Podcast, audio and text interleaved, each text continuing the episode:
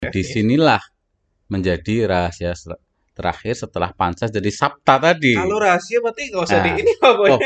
Dimin aja ya? Iya, Eh, Ya udah nggak usah di ya, selesaikan di sini ya.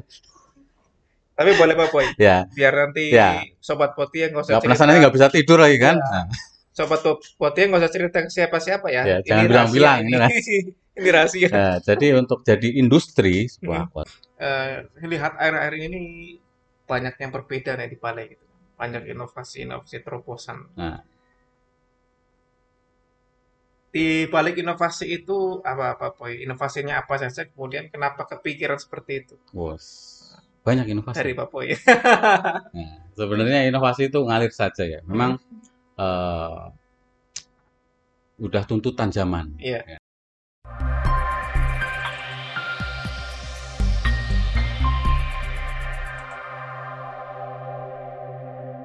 Assalamualaikum warahmatullahi wabarakatuh. Waalaikumsalam warahmatullahi wabarakatuh. Halo Sobat Pot- Potia semua. Eh, pada saat ini kita mengudara langsung dari Balai Perikanan Budidaya Air Tawar Sungai Gelam, Jambi.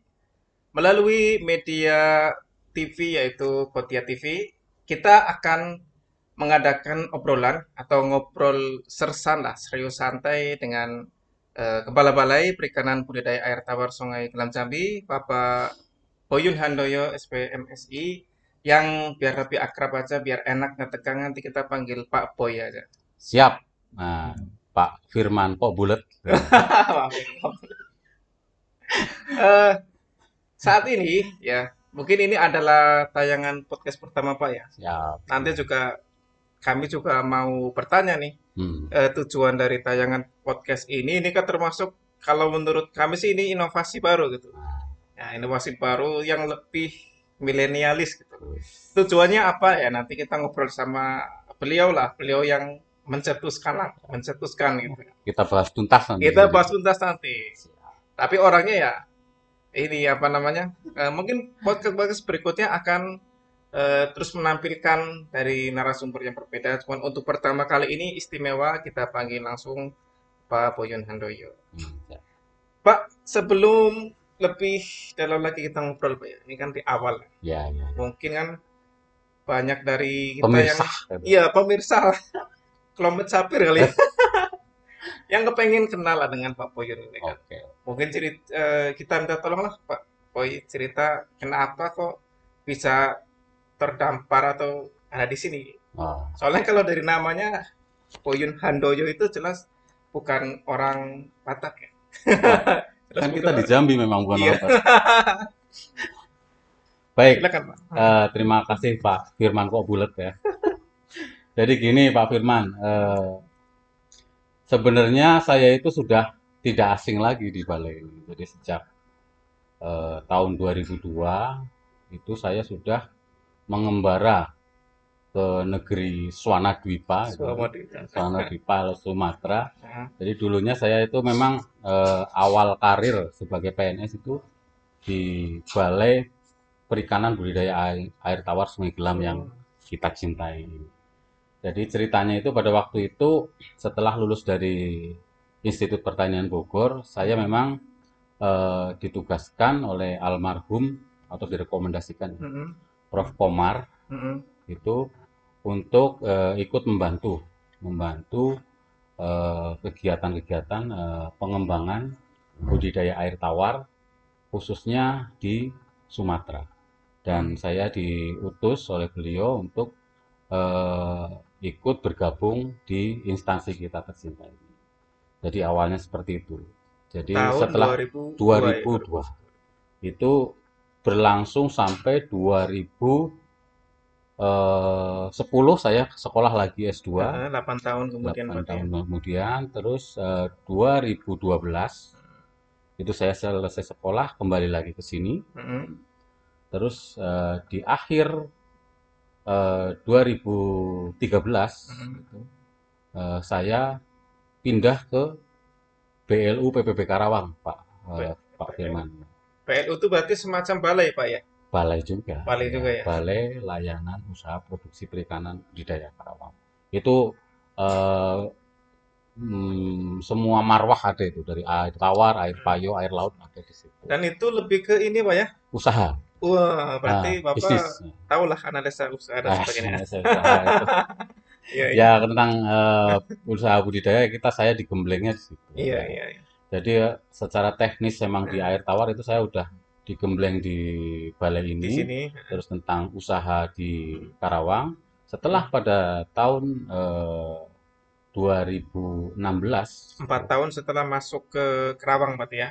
eh, 12 sampai 16, ya sekitar itulah tiga Mm-mm. setengah tahunan lah. Mm. Eh, 2016 saya ke Sukabumi. Sukabumi. Heeh. Tahu Sukabumi kan? Balai juga. Nah, Boleh. Balai besar. Jadi ini balai besar, eselonnya dua, Hmm. balai besar perikanan budidaya air tawar Sukabumi. Iya. Itu memang khusus untuk air tawar seluruh Indonesia. Kebetulan ya saya di situ dikasih tanggung jawab eh, sebagai kepala bagian tata usaha. Hmm. Jadi administrasinya saya belajar di Sukabumi nih, mulai dari kepegawaian tentang keuangan, tentang umum itu saya belajar di Sukabumi. Berarti bentar Pak, kalau boleh saya menyimpulkan Hmm, perjalanan hmm, Bapak, hmm. Bapak di akademisnya dulu di Bogor ya, PP Ya, ya. Kemudian digembleng di lapangan secara teknis itu di ya, Jambi. eh, ngolah kolam, nipon-nipon itu kan, iya. ikan itu. di- Termasuk kerjaan lapangan, berarti Ya. Bapak udah ngalami semua Dulu kan ya. sama sampean itu Bro. Actingnya nggak tahu aja. Iya, ya. on record. Nah, terus Terus eh, apa namanya? Men- belajar usahanya, Nah. analisis hitung-hitungan usaha itu di Kerawang dan manajerialnya itu Hmm, di Sukabumi. Sukabumi. jadi eh, komplit terakhirnya memang pada tahun 2019 akhir ya, itu di bulan November tepatnya itu saya balik maning menglaptop kata tukulnya itu kan Iya, kembali ke laptop ditugaskan untuk eh, memimpin balai kita tercinta ini mungkin sejarah singkatnya itu kalau sejarah susah derita eh, dan sebagainya itu banyak sekali nanti kita kita ngobrol khusus kalau itu Iya, ya Sebenarnya kita menarik juga Pak ya kan Hmm. kayak perikanan sendiri itu kan kadang-kadang sebagai akademisi perikanan entah Hmm. itu yang anak SMA maupun eh, mahasiswa itu terkadang ada inferior Pak. Hmm. Aku masuk perikanan kayaknya nyasar gitu. Oh gitu. Nah, tapi kalau eh, menurut pandangan Pak Boyun ini kan ya Hmm. sebagai orang yang sudah pernah berada di Sumatera, berada di Jawa dan sudah banyak bertemu dengan eh, orang yang bergerak di bidang perikanan gitu Pak. Hmm. Mungkin bisa kita share aja eh, keunggulan-keunggulan di perikanan ini, budidaya ini biar kita ini tidak terlalu inferior dengan bidang kita sama Ya, kita perikanan. Ini khususnya perikanan budidaya air tawar Iya. ya mungkin dijelaskan. Memang eh, orang bilang itu dulu ya sebelum akhir-akhir ini mungkin sudah enggak. Budidaya perikanan khususnya air tawar itu bisa dibilang kurem. Mm-mm. Karena memang eh, zaman dulu kan apalagi kayak ikan lele kan eh, asumsinya udah jorok aja kan. Iya, katanya Ikan dilempar patin, ke oh. got aja gitu. Ah, dilempar hidup dan sebagainya. Terus untuk skala bisnis itu masih ya paling untuk sambilan ya bukan kerjaan utama. Eh, tapi eh, saya bisa jelaskan ke rekan-rekan sobat Potia itu bahwasannya sekarang itu sudah berbeda. Jadi memang eh, apalagi di masa pandemi ini Iya. salah satu yang menjadi andalan dan pertumbuhannya plus itu pertanian Oh, betul, betul. dan eh, dari hasil statistik itu memang salah satunya itu di pertanian secara umum ya, Iya. di perikanan khususnya lagi di budidaya. Betul. Eh, memang eh, di budidaya ini mungkin beberapa rekan-rekan itu ada yang hal, merupakan hal baru, tapi ini sudah berkembang ya. Bahkan di negara-negara lain ini Hmm. menjadi eh, untuk perekonomian di negaranya menjadi tulang punggung gitu. Seperti Iya, iya. di Vietnam, Oh, iya, terkenal seperti itu. ya terkenal ya di Vietnam, di China itu termasuk yang hal yang besar ya, terus di Thailand dan beberapa daerah lain juga Norwegia ya itu Mm-mm. menjadi Iya. eh, apa tulang punggung negara baik dalam kesejahteraan, penyerapan tenaga kerja dan lain-lain. Mm-mm. Mungkin itu eh, secara umum. Jadi sekarang dengan adanya teknologi itu kita sudah nggak usah malu lagi sebagai insan perikanan apalagi Iya. budidaya ya. Eh, kita sudah tahu teknologi mulai RAS gitu kan ada ya, terus eh, bioflok yang Mm-mm. sekarang kita kenal, juga ada beberapa eh, aquaponik ya. Jadi beberapa hal yang sudah modern bahkan sampai terkontrol computerized ya. Eh, bahkan sekarang ada program-program seperti millennial eh, Shrimp Farm MSF itu itu kan khusus juga untuk fresh graduate ya gitu untuk ya. fresh graduate ini sedang kita kembangkan terus ya. Hmm. Jadi eh, ini bukan menjadi hal yang buram lagi, bahkan untuk usaha-usaha turunannya itu sudah banyak seperti Hmm. di vaksin ikan, pabrik pakan, probiotik dan lain-lain itu eh, sudah berkembang luas. Jadi jangan berkecil hati Hmm. masuk perikanan. Jadi sebagai teman-teman tahu itu kenapa saya masuk perikanan dulu Nah, juga, masuk nah, itu. masuk di dalamnya itu. Eh, jadi eh, ketika SMA itu ada eh, salah satu Guru. Apa? Senior senior. Senior. senior dari IPB itu eh, ngasih materi. Emang kalau kelas 3 kan dikasih materi nih. Jadi Iya biasanya Eh, datang situ hmm, gitu kan. eh, ya Promosi. ngasih materi gitu. promosi eh, jurusannya. Kebetulan itu salah satunya itu memang jurusan budidaya perikanan. Dan Hmm. dia di antara teman-teman yang lain itu ini paling mentereng mobilnya waktu itu gitu kan. Nah, nah, ini saya pengen yang ini aja nih. Ah, saya tanya jurusannya memang waktu itu memang budidaya perikanan. Ah. Dan dia emang ketambak waktu itu kan lagi apa Oh, booming Paname boomingnya ya bukan waktu masih Windu Oh, Windu, Windu ya. ya Tahun Pantura ya kan saya udah 9. lama itu bos Ya, Iya. Panama ini akhir-akhir Oh, ini iya, saya udah jadi. PNS itu jadi waktu SMA Setelah Windu Bagi- jatuh baru Panama nah, kan. booming boomingnya Windu dan orang Windu itu orang tambak itu sangat kaya jadi Hmm. sekarang pun ini sudah berulang lagi nggak cuman eh, udang Hmm. ada beberapa komoditas itu yang memang menjanjikan Hmm. termasuk di air tawar ada mungkin nila yang industri patin industri itu akan terus kita kembangkan Hmm. Ya, terima kasih ini cukup membuka wawasan kita ya. Insan eh, baik yang sekarang sedang menempuh pendidikan di dunia perikanan, jurusan perikanan maupun bagi kita yang kayak saya ini baru lulus SMA kan Eh, pengen eh, ngambil jurusan tuh ya salah satu jurusan yang eh, insya Allah ke depannya itu prospeknya masih sangat SMA bagus. mana mas Eh, SMA. SMA lama. itu adalah perikanan. Hmm. Dan itu memang ketika pandemi kemarin itu kan karena dia kan berada di piramida paling bawah ya, kebutuhan orang makan itu kan. nah iya Nah, jadi tetap yang yang masih bisa bertahannya adalah eh, usaha yang bergerak di bidang Iya. penyediaan bahan apalagi pangan. ikan kan protein protein ikan nih ini kan Iya, ikan. memang apa sangat sehat ya Nah, kita udah tahu semua lah Betul. kalau ka- umat Islam udah tahu bangkainya aja halal, Halal gitu ya. ya. Ya, itu satu selain itu juga eh, nutriterapik jadi eh, nut- nutrisi nutrisinya itu bisa untuk eh, kesehatan Hmm. ikan itu. jadi contohnya ya ikan air tawar ikan gabus itu kan mengandung Iya. albumin albumin. untuk penyembuhan itu bagus gitu kan Nah, dan untuk yang lain-lain juga ikan sidat bisa Ah, jos gitu kan. iya. Nah, itu kan. jadi ikan ini sangat dicari memang. Jadi nggak nggak resiko kolesterol dan sebagainya itu Iya. memang eh, mungkin itu yang jadi penyebab mm, untuk imun tubuh dan sebagainya. Jadi orang milihnya ketika masa pandemi ini malah ke arah ikan gitu. ke arah ikan itu Iya. ya. Sehat gitu Hmm. lebih sehat. Dan ikan belum ada yang bisa download ataupun motokopi ikan tadi aquaculture masih menjadi Ya, eh, bukan apa? ada ikan virtual ya. Iya. Ada menjadi tumbuhan di masa depan. Ya, amin. Eh, kita tadi sudah ngobrol Pak, mungkin ya ya cuman sedikit saja sih dari kisahnya Pak Boyun sebenarnya kan. Karena Hmm. nggak mungkin kan cerita perjalanan hidup beliau nyampe kemudian cuman dirangkum dalam berapa menit kan nggak mungkin. Jadi ya cuman kulitnya aja tadi. Cuman ya memberikan gambaran kepada kita bahwa ternyata eh, apa namanya keberadaan Pak Boyun di sini bukan serta merta ada di sini, ada prosesnya juga dan ada Sejarahnya. beberapa- Iya, sejarah Hmm. dan fase yang telah beliau eh, jalani.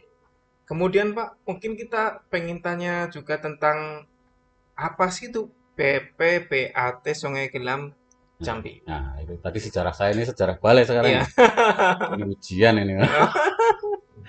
Jadi eh, BPPAT Sungai Gelam Jambi ini memang sudah berdiri sejak 1995 itu sudah 1995 ya. sudah mulai awal. Iya.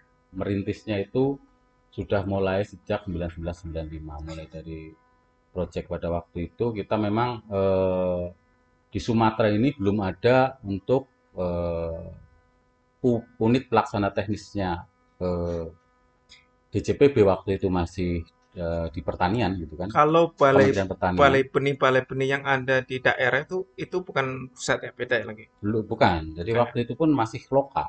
Loh, Itu ini masih ini loka namanya. iya, Hmm. belum balai. Hmm.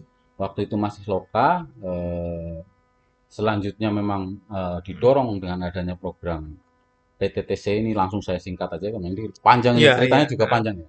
Eh, bahkan eh, PTTC JIK Hmm. itu ikut me- mem- memberikan hibah bangunan. Hmm. Kebetulan ini kita dikasih eh, tanah untuk pinjam pakai dari Provinsi Jambi. Eh, itu Seluas awalnya seluas 21 setengah hektar. 21 setengah. Iya, 21 setengah gitu kan. Itu dibangun ya oleh Kementerian waktu itu Pertanian, Hmm. akhirnya ke kelautan, akhirnya kelautan dan perikanan itu Hmm. kan. Eh, akhirnya dari loka itu menjadi balai Di tahun di tahun 9 2002 apa? 2002. tahun Nah, berarti pas Pak Boyun masuk ke sini dong.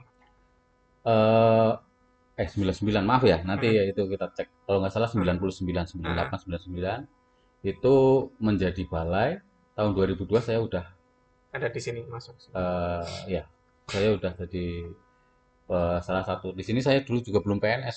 Firman. jadi masih apa eh, tenaga kontrak Hmm. itu itu udah balai itu baru banget jadi balai kalau nggak salah Pasti kondisinya belum kondisinya seperti sekarang ya. ini seperti kata orang itu tempat jin buang anak Kayak lihat aja ya. Kayak lihat si buang anak di situ gitu. Jadi saking sepinya itu waktu itu masih ah, di sekitar sini masih ada cerita korban diterkam harimau Hmm. lah, kena binatang buas dan sebagainya. Kita Iya. juga perlu keberanian untuk di sini. Gitu. Bahkan di tahun pertama itu saya serasa udah, aduh ini kok kerja gini amat gitu kan. Tapi memang itu merupakan sejarah ya. Eh, Iya, Jadi ini yang menggembleng kita menjadi orang yang eh, survive, survive di di mana saja. Jadi memang tempatnya orang untuk berbudidaya ya memang bukan di kota-kota itu. Kota-kota ya skalanya nggak bisa besar emang di eh, luar kota yang mem- memiliki perairan dan jadi kembali ke sejarah tadi eh, akhirnya jadi balai waktu itu eh, untuk awalnya itu kepala balainya kan Pak Maskur ya. Pak Pak Maskur ya. ya. Itu mulai dari loka eh, akhirnya menjadi balai oleh Pak Maskur. Eh, waktu itu masih di bawah eh, Direktorat Perbenian waktu itu, Perbenian. Eh, waktu itu eh, almarhum Butati. Itu akhirnya eh, kerjasama dengan JIK pun dilanjutkan. Jadi JIK. pembangunan di sini itu waktu itu sangat didorong oleh JIK. Bahkan CEK itu apa Pak? PTTC, Japan International Cooperation Agency. Oh, itu da- dari, dari Jepang, negeri ya. dari Jepang ya, dari Jepang. Itu kerjasama dengan Jepang kita pengembangan eh, aquaculture untuk di Sumatera. Hmm, hmm, hmm. Jadi eh, selain juga membangun eh, infrastruktur di Hmm. dalam ini, nah, program JIK juga kita digembleng untuk eh, bagaimana mendiseminasikan atau eh, melakukan penyuluhan ke masyarakat tentang budaya air tawar. Hmm. Memang kita tidak bisa eh, lepas ya waktu itu memang dari sejarahnya memang ada eh, campur tangan luar negeri atau JIK di sini, termasuk eh, pegawai-pegawainya waktu itu dilatih ke luar negeri. Oh, Jadi juga bukan bukan kaleng-kaleng ini. SDM-nya juga Pak ya? Iya. Nah, juga ya. Ya, termasuk saya juga ikut. Kebetulan Pak Pak Firman masuk itu udah udah di akhir-akhir ya. Jadi eh, Udah merdeka ya, udah, udah merdeka. ya bukan dijajah. Udah, itu. bukan itu dijajah. kerjasama bos. Jadi itu ada jasa JIK di situ membina kita eh, di dalam bidang pengembangan aquaculture. Hmm, Dan waktu itu cita-citanya itu memang kita jadi eh, training centernya untuk aquaculture khususnya budidaya ikan air tawar khususnya rawa hmm. internasional paling tidak untuk di Asia Tenggara itu cita-cita awalnya. Ah, Pak Hmm. Boyon bicara Asia Tenggara, saya jadi ingat Pak. Hmm. Sebelum saya masuk ke sini ya, itu Hmm. kan eh, kit- ada dengar-dengar memang dulu orang Kamboja, terus Hmm. orang dari luar negeri itu banyak yang juga belajar di sini. Ya, itu dari cerita itu kan. Nah, Eh, memang eh, komitmen dari JIK itu akan membuat semacam training center tadi, akhirnya Mm-mm. kita juga mengelingkan antara JICA yang ada di Asia Tenggara. Mm-mm. Jadi beberapa eh, JICA di negara lain di wilayah Asia Tenggara itu ditrainingkan di sini ketika kita udah mulai establish cara budidayanya. Eh, waktu itu kita juga punya, jadi kita punya pengalaman juga melatih eh, dari JICA yang di Kamboja, Kamboja ya waktu itu. Terus pernah juga dari apa Madagaskar, Madagaskar. JICA Madagaskar jadi orang apa Afrika udah ke sini orang Pam- Kamboja juga udah sampai ke sini. Stop. Dari Madagaskar tadi ya? Sampai.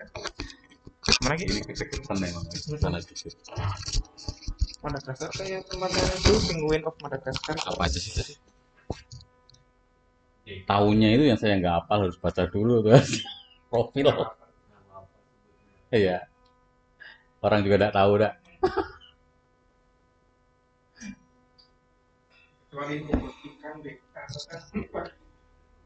ya ya. Sudah ya ini.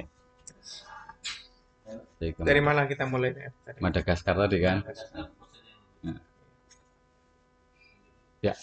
Ya tadi memang dari eh, Asia Tenggara itu udah beberapa negara yang datang ke sini khususnya emang yang dari Kamboja ya. Nah, selain itu juga dari eh, Madagaskar, Jaiga Madagaskar. Berarti bah- bahkan nggak cuma Asia Tenggara ini, sampai Afrika pun udah berlatih ke sini. Jadi rekan-rekan jangan ragu ini kalau cerita masalah ingin berlatih gitu. Nah, berlatih. Jadi endorse kalian. ya? Kita endorse kalian. Iya, iya. Jadi rekan-rekan dari eh, baik SMK, pengusaha, akademisi, dan lain-lain silahkan. Masa kalah jauh-jauh aja belajar ke sini Nah, gitu kan. Kenapa eh, ragu dengan kemampuan kita? Jadi kita udah eh, punya pengalaman internasional. Kalau kerjasama nggak cuma dengan JICA ini Pak Firman. Iya. Hmm. Oh gitu. Ya, jadi pernah juga dengan IRD Prancis. Oh, iya. oh Pran- ini luar negeri juga. Di luar negeri ini Tadi ada Jepang, ada Jepang, Prancis ini juga. Prancis, IRD eh, Prancis waktu itu memang kita riset tentang ikan lokal. Nah, Ikan ikan lokal yang ya. kita kembangkan waktu itu itu alhamdulillah juga saya ikut Mm. berkecimpung di situ ya. Ikan baung dan ikan patin jambal gitu. Pak. Catfish ya. Catfish Asia itu kalau nggak salah programnya ya. Itu patin yang asli di sungai-sungai ini. Iya, di Sungai sungai Sumatera di ya? sungai Sumatera ya. Itu ada patin jambal, patin nasutus juga pernah dicoba tapi yang kita kembangkan waktu itu patin jambal karena eh, indi- indikasinya itu mirip Pangasius bocorti yang memang dagingnya putih dan sangat lezat. Eh, dan juga ikan baung waktu itu. Selain itu juga maggot nih. Nah, Nah, oh, sekarang inget juga itu. Oh, dulu Ini, pernah Pak? oh itu awalnya di sini tuh Pak Oh. Firman. Cuman karena ke- eh, ya Mm. beda pimpinan beda kebijakan akhirnya eh, sempat eh, off akhirnya sekarang mulai booming lagi Iya, dan itu kurang dengar dari sini. Di, di sekalian kita ini tapi memang dulu itu ini ya awalnya itu eh, Pak Edi dan rekan-rekan di Mm-mm. bagian pakan itu awalnya memang bukan di sayur-sayuran seperti sekarang Heeh, dulu awalnya bungkil kelapa sawit bungkil kelapa sawit. Hmm. tapi karena begitu kita tahu ada potensi itu kan akhirnya bungkilnya jadi mahal Banyak harganya. jadi mahal gitu kan Nah, bahkan sampai ke selatnya atau lumpurnya itu pernah kita coba itu Nah, karena saking cari pengen carinya bahan baku yang murah Ya. Saya- selain Prancis waktu itu juga kebetulan saya ikut tanggung jawab dengan Bu Reni Agustina Lupis mungkin ini kita juga pernah dengan Norwegia Norwegia. Ak- Akva- Akvaplan itu ya kalau salah Itu Niva. Niva itu. Norwegia Nah, itu iya G2G ya memang eh, waktu itu kerjasamanya itu tentang manajemen untuk open water aquaculture waktu itu kebetulan kita serentak dengan adanya eh, waktu itu Pak Dirjennya masih Pak Made itu gertak gerakan Gerakan. serentak untuk patin. Nah, jadi industrialisasi patin kita bagaimana manajemen budidaya di keramba di sungai. Jadi ada apa eh, ahli dari Norwegia ikut eh, membantu kita untuk bagaimana manajemen sungai supaya eh, bagus ke depan jangan sampai hmm, ikut ikutan dengan eh, negara tetangga, negara lain gitu kan, Hmm. dalam manajemennya kurang baik gitu.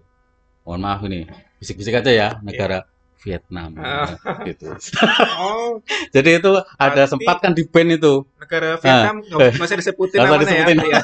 Yang negara Waktu itu sempat di ban apa patinya itu karena memang eh, adanya budidayanya itu kurang ramah lingkungan akhirnya sempat di ban. Tapi akhir-akhir ini mereka perbaiki ya tetap tetap eksis. Waktu cikal bakal budidaya berkelanjutan dengan memperhatikan lingkungan sebenarnya kementerian Sudah udah- ada lama sebetulnya. ini. Iya. Sustainable aquaculture ya. Mm-mm. Dan mungkin eh, mana lagi ya? Mungkin pernah juga Oh, tapi kita jadi expert waktu itu dari sini Pak Mimit, Ke mana tuh, Pak? Pak Direktur sekarang mohon maaf nih Pak Direktur POI. Kita biasa Pak Mimit karena memang beliau itu waktu itu Alumni sini alumni juga. sini juga. Jadi beliau juga ya ah, di sini. beliau itu waktu itu jadi ahli. Kebetulan dari sini Pak Mimit Abdul Hamid itu jadi expert, nggak cuma dilatih aja ini, jadi Ah. expert. eh, termasuk saya yang dari waktu itu saya di Karawang Di masih Kerawang. ya kan ada sejarah tadi ya. Ah, Saya di Kerawang, jadi alumni sini juga itu kan. ah, Pak Pak Mimit, saya ada juga Pak Dian itu dikirim ke eh, bu- bukan Bukan. Mozambik ke Mozambik. itu Hmm. jadi ahli ahli untuk pengembangan budidaya air tawar di sini. Ya, itu tetangganya Wakanda itu. Ya pokoknya Wakanda eh, agak Mozambik. eh, negara antah berantah lah. Iya.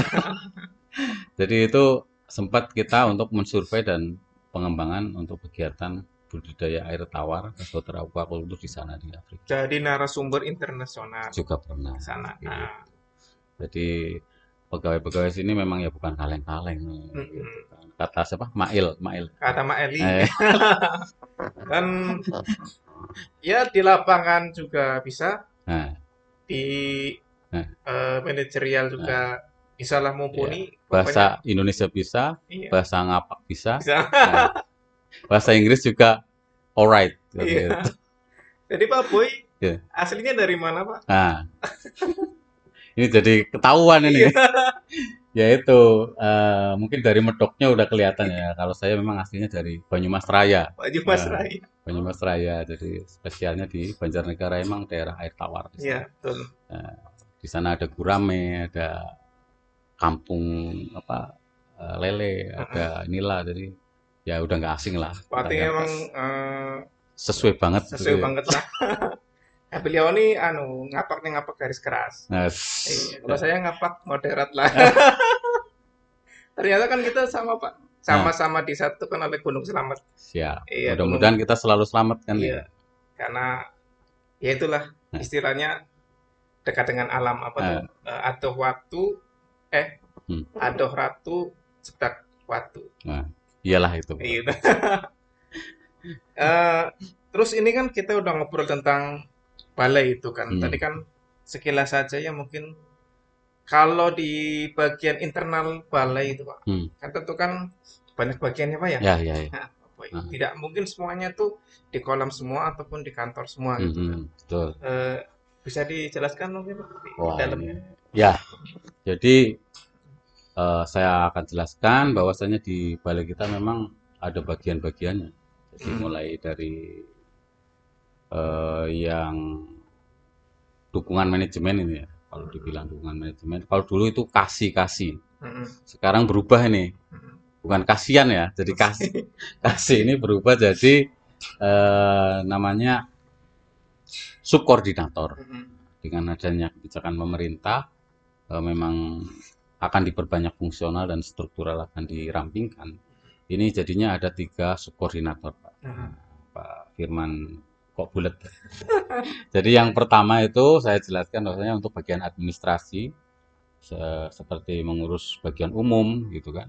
Terus bagian keuangan, bagian kepegawaian itu ada eh, namanya subkoordinator tata usaha itu yang sekarang kebetulan dijabat oleh Pak Main ya Pak Main selanjutnya di bagian uji uji terap dan kerjasama Mm-mm. nah, itu utama ya kasih kasih utama dulunya Mm. sekarang subkoordinator utama itu ada Bu Miftahul Jana Mm. ini yang menyelenggarakan ini ini Ini hajatannya ini hajatannya utama ya. UTTKS itu jadi eh, medsos, terus kalau ada apa kegiatan-kegiatan, terus ada eh, magang ya, magang magang Kalau magang yang singkat itu loh, magang magang singkat. Nah, itu ada diklat, bagiannya di klub. Itu pelatihan lah, pelatihan ada pelatihan-pelatihan itu Bu Miftahul Jannah gitu kan. Juga menangani tentang kerjasama.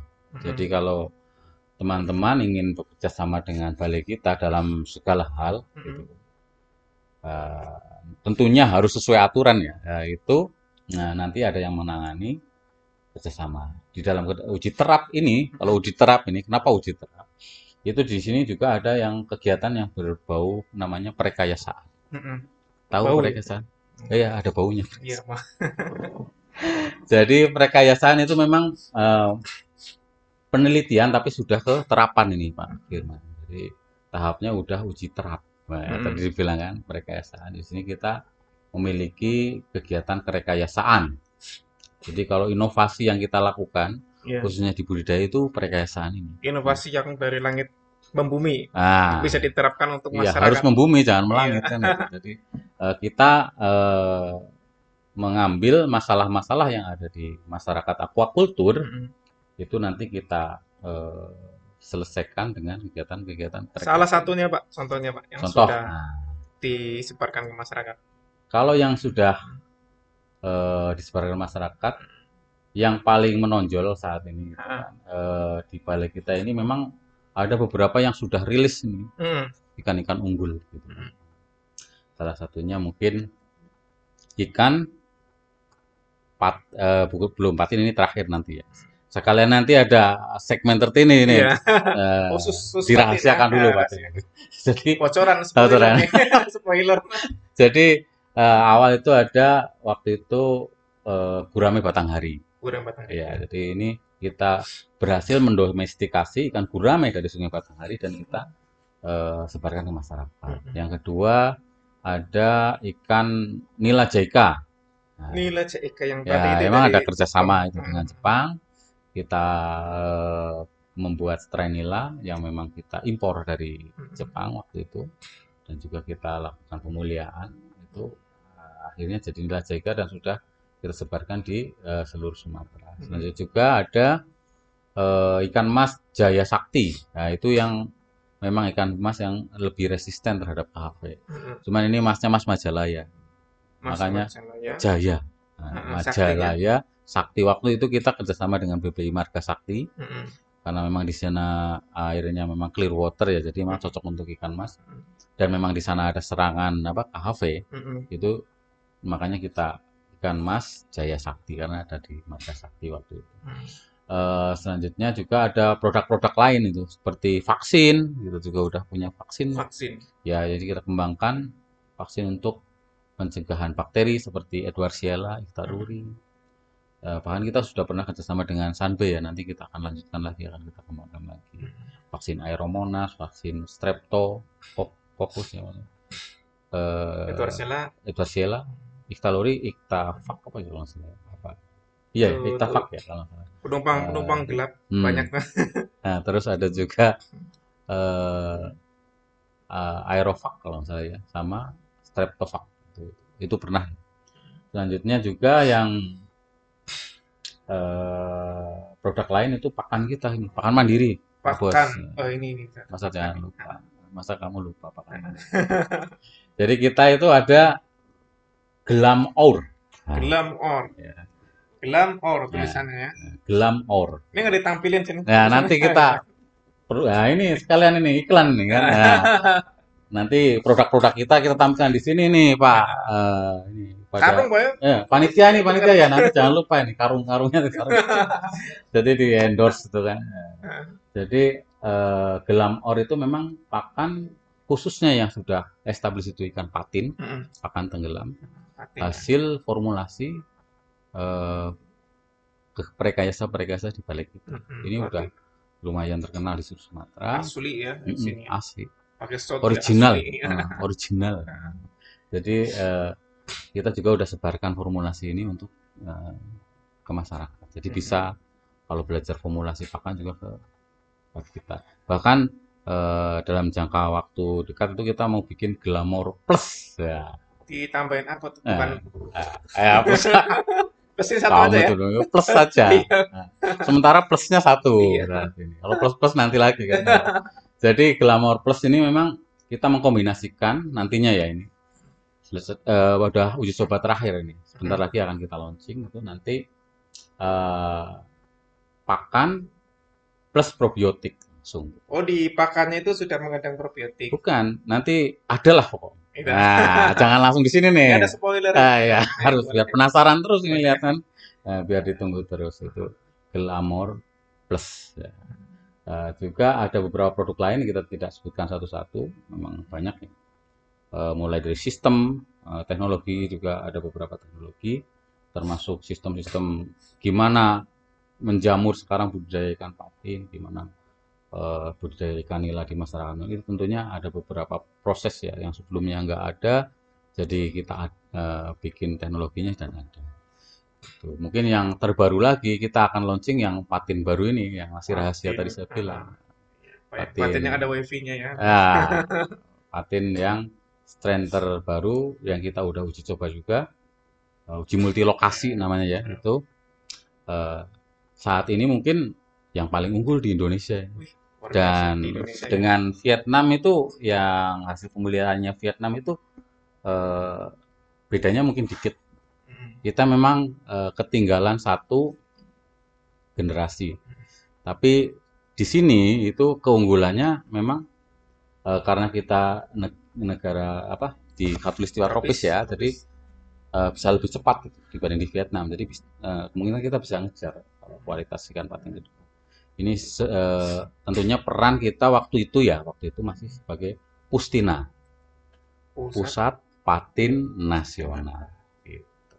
Itu produk-produk rekayasaan.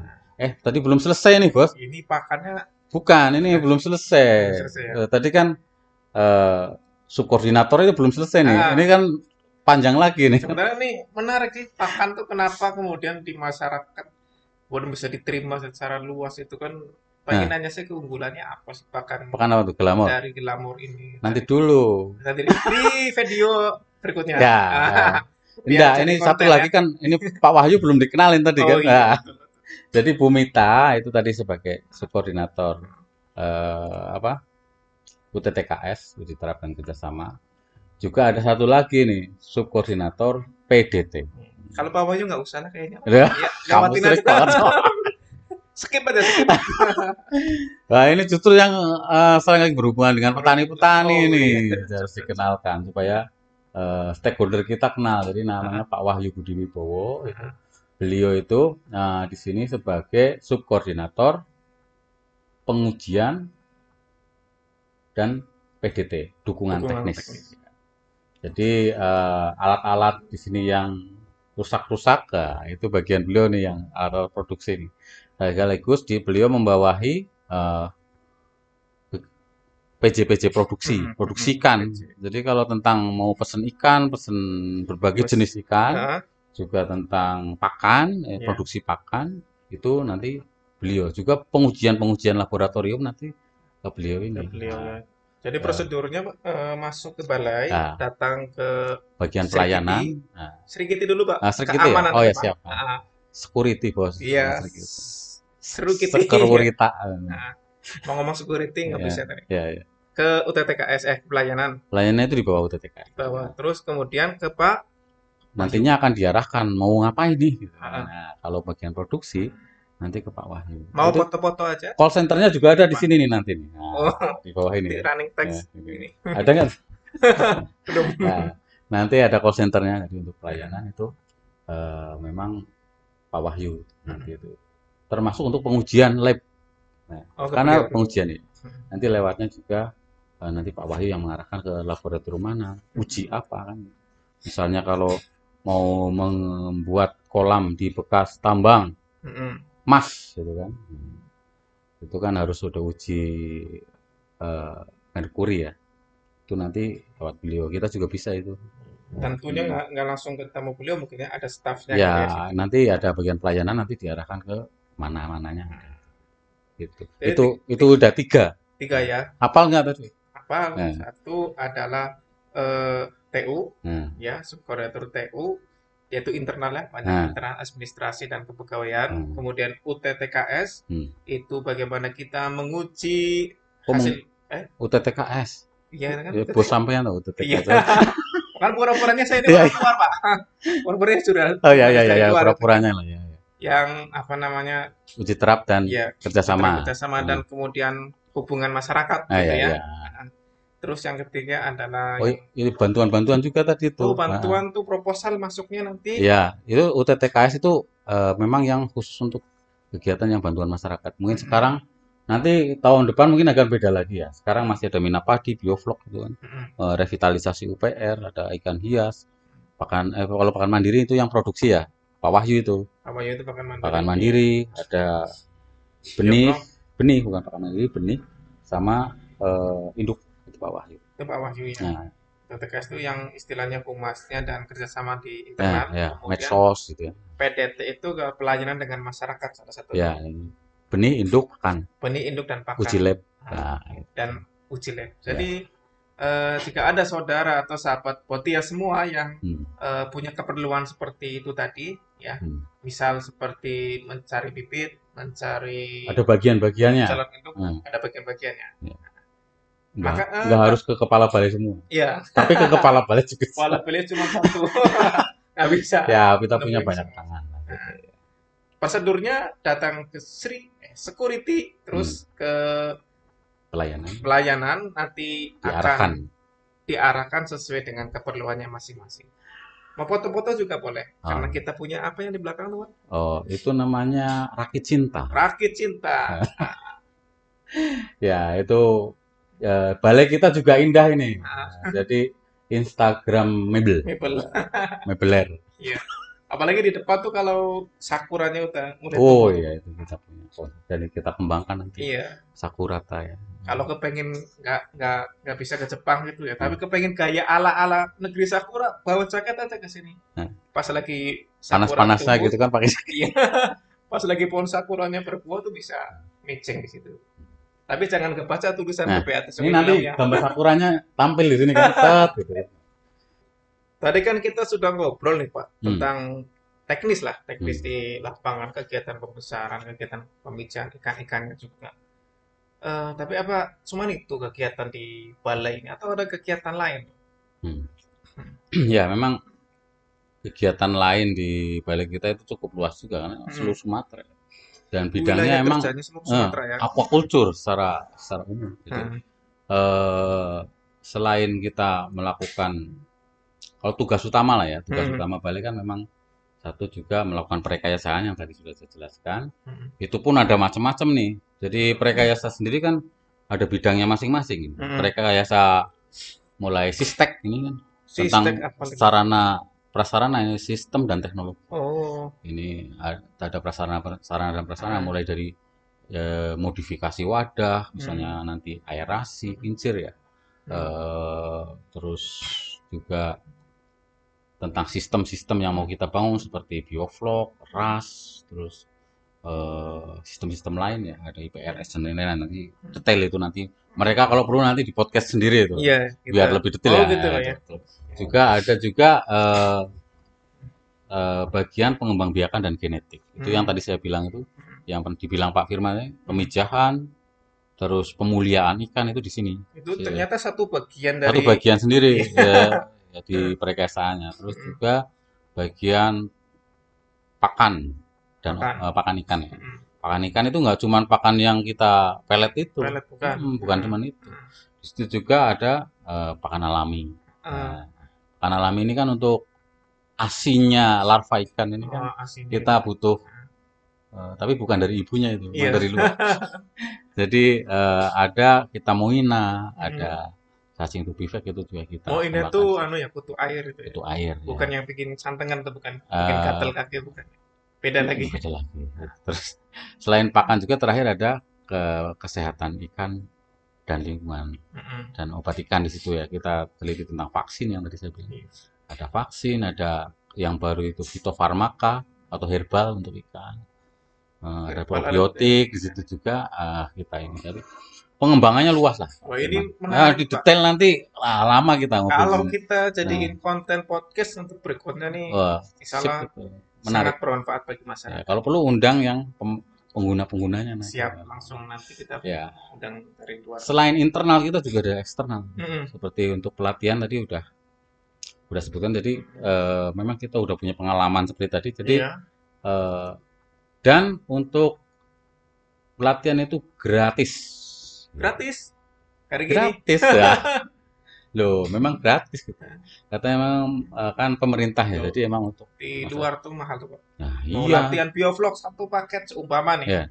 Dari apa eh, pendebaran sampai panen satu paket tepatnya di bawahnya ada biaya Hmm, sekian gitu. Hmm. Eh, mahal juga. ya. Di Ini sini gratis ya. gratis. Ah. Nah, gratis itu maksudnya eh, selagi mengikuti kegiatan kita di sini Mm-mm. tidak memesan pengen khusus gitu kan Iya. itu gratis jadi misalnya gini ada petani gitu pak saya pengen belajar tentang ikan jelawat Iya.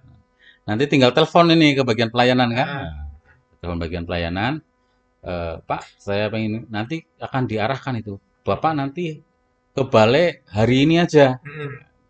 misalnya hari Jumat atau hari Kamis nih malam Jumat nah. Iya. Kliwon. kita mau memijahkan ini kan kalau orang orang memijahkan malam Jumat kan. Iya, orang pakai weton itu. orang orang apa kalau orang malam Jumat bukan malam Jumatan itu Oh. kan jadi itu Arahnya ke situ.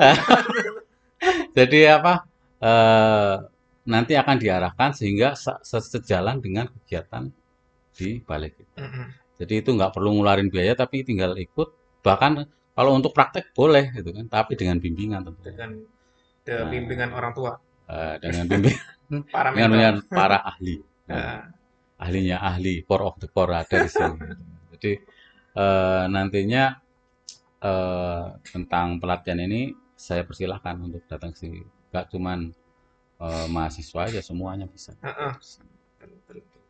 Jadi sahabat Potia semua, bagi sahabat Potia yang kepingin belajar ke balai ya eh, tanpa ini ya maksudnya belajar ke balai tapi mengikuti kegiatan di balai itu dipersilakan. Nah, Hmm. dipersilakan datang saja, tetapi komunikasikan dulu dengan pihak balai Ya. ya. Mau belajar apa? Kalau yang mau spesial khusus juga bisa. Heeh, Jadi, bisa ya. Saya pengen mijain ikan ini harus hari ini bisa. Heeh. Tapi itu kalau itu berbayar. Berbayar. Iya, itu ada Kalau yang eh, modelnya itu ada tanda bintangnya, syarat dan ketentuan berlaku. Iya. terbintangnya kecil di Tapi nanti jangan khawatir, induk misalnya pakai induk, dia harus beli induk, ovaprim harus beli ovaprim. Misalnya mau nyuntik ikan patin, induknya silakan dibawa pulang. Oh, berarti Gitu. itu Anda beli induk, diajari cara Nah, pemijahannya, ovaprimnya sisanya bawa pulang sisanya juga. bawa pulang. Bawa Larvanya hasilnya pun bisa dibawa pulang. iya, airnya juga gratis Eh, bawa dari sini. dari pulang kan bawa air Oleh-oleh nah, gitu. Jadi memang bukan dipungut biaya maksudnya apa? Emang untuk kegiatan prakteknya emang. Iya. Dan Dan tidak mengambil untung dari situ. silakan dibawa pulang. Nah, silakan dibawa pulang. Itu It- menarik sekali eh, seka apa namanya? Tadi teknis sudah gitu ya. Hmm. Saya mau nanya apa tadi ya? Lupa Hmm. pula.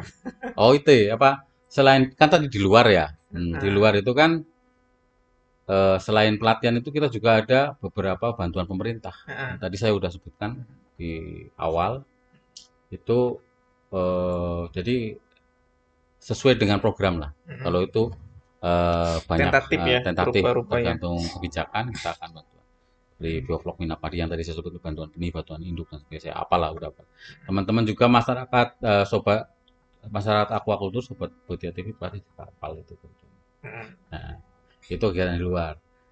Selain itu juga pengawasan ya. Oh iya, pengawasan Pengawas- ini. Pengawas ini harus ini, Pak. Ada loh. Ada. Pengawas siap, siapa pengawas itu? Jadi selain itu juga kita melakukan kegiatan pengawasan. Pengawasan di eh, lokasi-lokasi sentra-sentra budidaya Eh, untuk penerapan ser- apa sertifikasi ya ataupun eh, apa Pemetaan. pemetaan mulai dari bagaimana penerapan standar-standar itu eh, akan ada bagian pengawas kita apakah nanti rekomendasinya seperti apa itu eh, eh, ini akan kita kembangkan ke depan itu seperti apa itu ada itu tentang internal dan eksternal. Internal, eh, internal dan eksternal ya. Sedikit banyak kita adalah sedikit gambaran ya. Tapi nanti yang bagian-bagian per detailnya atau bicara yang lebih detail lagi kita akan ada acara. Ya, kalau perlu ya itu. Koordinator Gimana? rekayasanya, Nah. koordinator pengawasnya diundang itu. Nah. Ngobrol. Sekarang Masing-masing gini Pak Boy, eh, lihat air-air ini banyak yang berbeda nih di Balai gitu. Banyak inovasi-inovasi terobosan. Nah, Di balik inovasi itu apa apa Boy? Inovasinya apa saja? Kemudian kenapa kepikiran seperti itu bos. Banyak inovasi. dari Pak Boy? Nah, sebenarnya inovasi itu ngalir saja ya. Memang eh, udah tuntutan zaman. Iya. Ya, jadi memang seperti podcast ini contohnya. ya. Iya. Eh, dengan kita eh, terkendala oleh jarak, gitu kan. Mm-mm. Nah, otomatis kita semakin sedikit di akhir-akhir ini semakin sedikit yang ingin belajar ke sini takut ada corona dan sebagainya. Nanti podcast ini saya harap bisa mensosialisasikan teknologi-teknologi baru, perkembangan-perkembangan aquaculture khususnya air tawar ataupun aquaculture secara, aquaculture secara umum. Ini eh, nantinya jadi masyarakat tetap bisa merasakan eh, keberadaan kita. Produk kita iya. Iya, jadi kemanfaatan kita juga bisa dirasakan oleh masyarakat luas. Eh, itu inovasi, emang udah tuntutan zaman. Tuntutan. Jadi selain itu juga Ya, kita Eh, salah apa Pak ya? Kok dituntut sama zaman? itu dituntut sama apa? Zaman. Ma- Corona ya, Iya. Itu jadi itu eh, inovasi ini juga memang ya harus terus apa namanya sus, inovasi yang berlanjut. Mm-mm. Sebelumnya kita eh, seperti ini, akhirnya kan ada masalah lagi nih. Hmm. Nah, permasalahan itu harus kita selesaikan ya dengan inovasi. Dan kita ya. memang eh, mencita-citakan balai ini memang menjadi yang terdepan wih, khususnya di depan. Heeh. di Sumatera itu namanya Center of Excellence. Oke, namanya Balai Perikanan Budidaya Air Tawar Sungai Gelam Jambi. Ya. Eh, kalau kita lihat dari namanya itu kan kadang kita berpikiran Pak ya, Hmm. wah ini mah apa ruang kerjanya tuh se sejambi gitu, Hmm. seprovinsi Jambi aja. Apa emang seperti itu atau gimana tuh Pak Boy? Ya, bukan seperti itu, Pak Firman. Memang namanya Jambi, jadi orang kepikirannya ya Provinsi Jambi aja ya. Nah, Eh, demikian juga balai-balai yang lain, ada yang Balai Batam, Balai Lampung. nah, kan, ada yang Ujung Bate. Itu itu sebenarnya memang nama karena berdasarkan tempatnya di mana. ya, Nah, geografisnya di Jambi Eh, gitu. juga Tapi tuh. ruang kerjanya bukan cuma bukan, di sini bukan ya. di Jambi. Jadi sejak awal dibangun balai ini memang untuk melingkupi eh, wilayah kerja air tawar di seluruh Sumatera. Oh, ruang kerjanya seluruh Sumatera, tapi Hmm. khusus untuk budidaya Ya. perikanan air tawar. Jadi sampai saat ini masih seperti yang dulu. Iya. Nah, jadi masih seluas Sumatera. Saya Tapi ke- perlu nyanyi nggak, Pak? boleh nyanyikan. Tapi- Aku masih seperti Jadi gitu apa? eh, memang sampai saat ini masih wilayah kerja seluruh Sumatera. Hmm. Ke depan bisa jadi eh, kita persempit, Pak Firman, karena memang eh, ternyata setelah semakin Ini banyaknya kegiatan Jadi masalah aquaculture, nanti Pak Nah, Boy. iya. Pak Boy mau mempersempit Sumatera nanti. oh bukan seperti itu. jadi Jadi masalah. wilayah kerja kita nantinya akan eh, kita sesuai dengan daya jangkau supaya logistiknya lebih efisien Mm-mm. secara ekonomi. Eh, kita sudah persiapkan ada dua balai yang menjadi substasiun kita yang nantinya juga akan jadi balai. Maunya sih di setiap provinsi yang memiliki eh, potensi air tawar luar biasa Hmm. atau sangat besar, Mm-mm. mungkin di situnya ke depannya program menteri kita yang baru KKP Ribbon ini Pak Iya. eh, Sakti Wahyu Tenggono itu akan ada klaster di situ, akan ada eh, semacam kampung-kampung ikan itu di situ juga nanti kita maunya itu ada balai, jadi peran pemerintah yang mendekat ke situ. Jadi eh, lebih bagus lagi kalau eh, ses- satu pulau paling enggak ada tiga balai pulau besar ya, main Ah, main main island di Sumatera itu eh, Hmm. paling enggak ada tiga balai yang khusus air tawar Mm-mm. lebih bagus lagi kalau setiap provinsi ada. Hmm. Kita udah persiapkan eh, dua lokasi di Sumatera Selatan yang Hmm. memang notabene eh, potensi air tawarnya luar biasa ya. Iya, iya, iya. Eh, se- seluas 40 hektar, 40 hektar ya. 40 hektar. Hmm. Nah, Kampung ikan atau apa bukan, itu? itu nantinya di situ memang ada balai juga, Ah, semacam balai. balai. Eh, nanti tapi di situ memang khusus eh, ikan nila di Musirawas. Nah, heeh, kita akan bikin percontohan atau klaster, heeh. eh, klaster-klaster ikan nila di situ.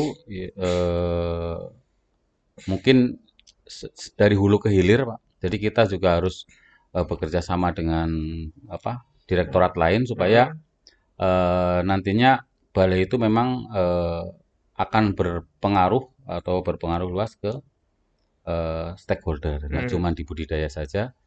Di sini pun nanti akan seperti itu konsepnya. Jadi memang Heeh. di Musirawas nanti ada 40 hektar untuk Heeh. nila. Di Dharmasraya, Heeh. Dharmasraya tahu nggak mana? Dama saya tahu Pak di Indonesia Pak. Oh, Gitu. ya, pinter kamu. Iya. Maksudnya di Sumatera Sumatera Barat itu, Pak. Iya. Nah, di Sumatera Barat, bukan di Padang ya, di Sumatera Barat. Ya, Itu di di bagian selatan ya, berarti di selatannya Sumatera ya, Barat. ya, Dharma. Sesumbar berarti ya. Selatannya Sumatera Ya, Barat. di Dharmasraya nanti kita akan bangun eh, 30 hektar. Mungkin Hmm. sesuai dengan komoditas unggulan di sana. Hmm. Mungkin selain ikan emas juga ikan gurame. Ikan eh, nilanya eh, nanti pusatnya di Di Musirawas. Musirawas Ya. tadi. Jadi nanti kita akan berbagi nih. Hmm. Jadi di Sungai Gelam Sungai ini Gelam ini pun nanti otomatis eh, komoditasnya akan berkurang ke dua lokasi itu. eh, dan orangnya juga akan Ya, siap-siap Pak ya Firman siap-siap. Pak Sueb sama Pak Duki ya. Siapa itu? Nggak kelihatan Nggak kelihatan, Oh, itu orang di belakang layar. Oh, iya. Orang nggak penting sebenarnya. Nggak penting. Jadi gitu. Eh, nanti yang di kita sendiri udah hafal belum berapa hektar? Yang di kita ada 19,5 Oh, hektar, salah Pak. itu. Ditambah dengan 21 hektar lagi. Bukan, awalnya Bukan. 21,5. Heeh. Heeh.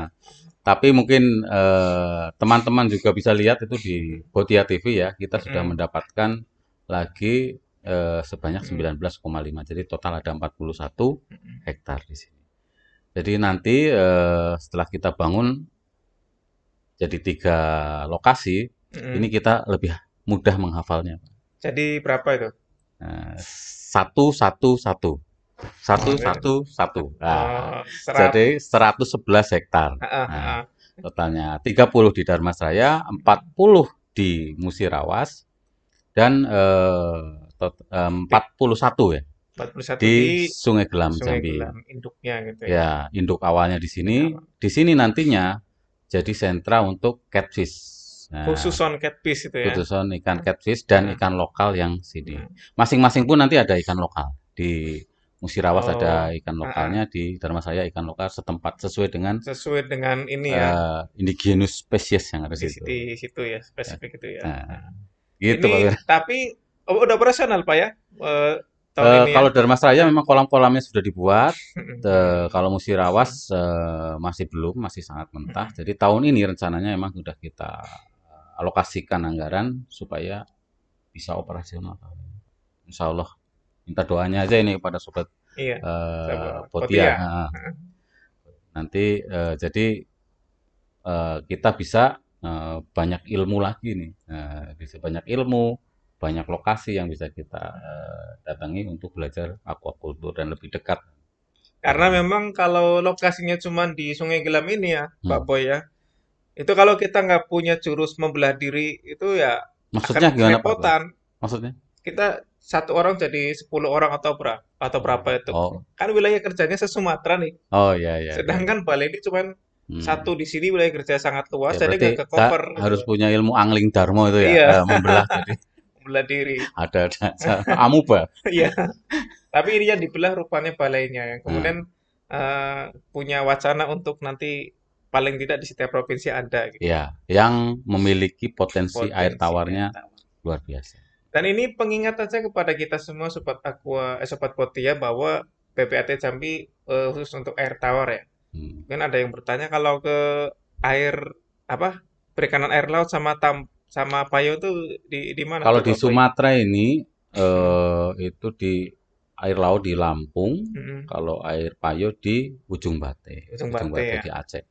Tapi kalau di seluruh Indonesia itu ada banyak. Hmm, ha-ha. nah, totalnya ada 15 balai. Nanti Hmm. bisa cek di eh, website KKP itu ada. Iya. Nah, kalau dijelaskan di sini lama.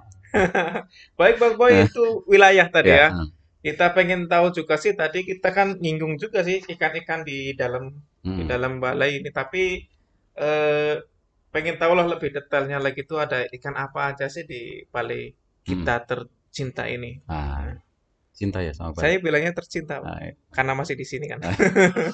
jadi gini, nah, sobat budidaya, nanti juga bisa cek di Botia TV. Jadi eh, itu lebih detail, tapi secara umum akan saya jelaskan. Kalau komoditas yang kita budidayakan di balai ini, itu ada komoditas yang common, jadi Hmm. yang biasa dilakukan di masyarakat, khususnya. Eh, ada beberapa komoditas mungkin rekan-rekan semua juga udah kenal ya, seperti ikan catfish, ikan yang berkumis-kumis. itu. Iya, berkumis. Itu eh, ada ikan patin, ikan lele, ikan patin juga macam-macam, ada patin jambal ya. Juga ada ikan baung. Nah, Kalau nila jantan kumisan itu nggak ada ya? oh, nggak ada, Nggak bisa ya? nggak ada. Kecuali di gambar ya, Iya.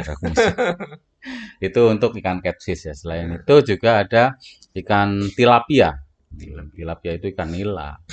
Ikan nila Hmm. eh, secara umum kalau strain itu banyak ya yang hasil rilis dari berbagai lembaga-lembaga atau instansi itu ada banyak ada nila Jaika, Sultana, Nirwana dan Hmm. sebagainya tapi secara umum kita budidayakan nila merah dan nila hitam. Nah, nila merah.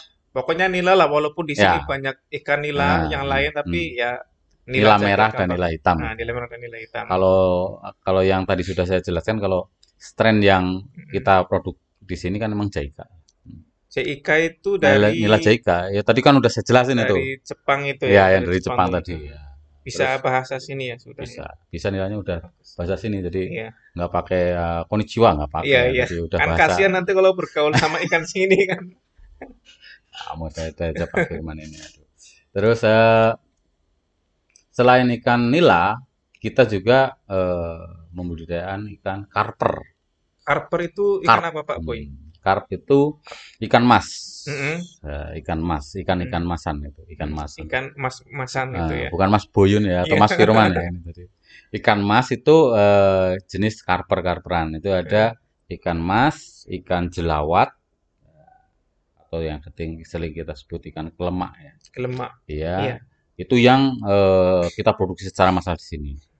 Yang eh, kita budidayakan tapi belum berhasil berhasil itu ikan eh, semah. Kita punya calon Semah induknya. itu tor ya kalau Ya, bahasa di luar torsoro. sana. Torsoro ya. Eh, kalau di Ikan Bogor, dewa bukan itu? ya, kalau di Ah. Bogor udah berhasil dibudidayakan. Tapi nanti kita akan kerjasama dengan Kerinci untuk Mm-mm. membudidayakan ini karena sepertinya di lingkungan perairan balik kita ini kurang cocok untuk pasangan konat. Gitu. Kalau ikan yang lain, eh, ikan spesifik lokal.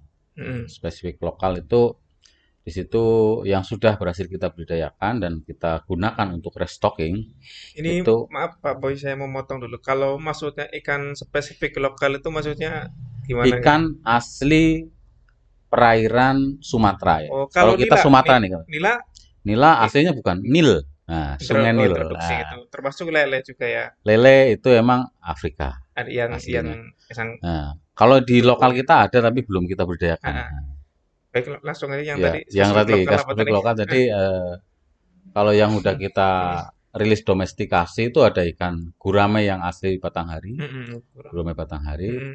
Itu ada juga ikan nilem. Mm-mm. Nilem itu kita udah introduksi juga dari Jawa. Emang juga yang dari sini kita Berarti sudah. Jadi campuran ini, udah campuran. ya. Jadi intinya nilem itu memang ikan asli sini jadi nggak masalah. Ah, ah. Jadi ikan nilem ada juga ikan kapie, kalau kapiat ya. Ikan kapiat Ah, atau itu namanya di sini lampam Pak Nah, Boy di Batanghari. lamparam pampam gitu Iya. ya. Ikan lampam itu juga udah berhasil kita Mm. budidayakan itu untuk restocking Mm-mm. supaya Mm-mm. eh, untuk melestarikan plasma nutria supaya tidak punah.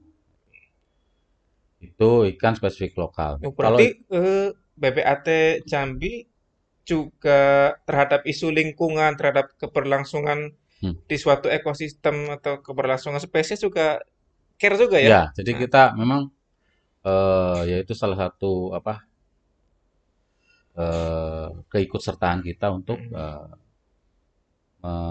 Melestarikan. melestarikan Mm. plasma nutfah. Sebenarnya memang ada balai tersendiri itu yang Mm. harusnya eh, membudidayakan ikan itu dan untuk kegiatan pelestarian plasma nutfah di perairan umum. Tapi sampai saat ini kita masih eh, ikut bertanggung jawab ya. Iya. Nah, mungkin ke depan saya nggak tahu bicaranya. Iya. Mungkin kita ke yang konsumtif, ya Mm. balai yang lain akan mengerjakan itu. Tapi memang di Mm. tempat kita masih ada ikan yang seperti saya sebut tadi, ya, nilem, Iya. lam ikan baung itu juga termasuk lokal ya.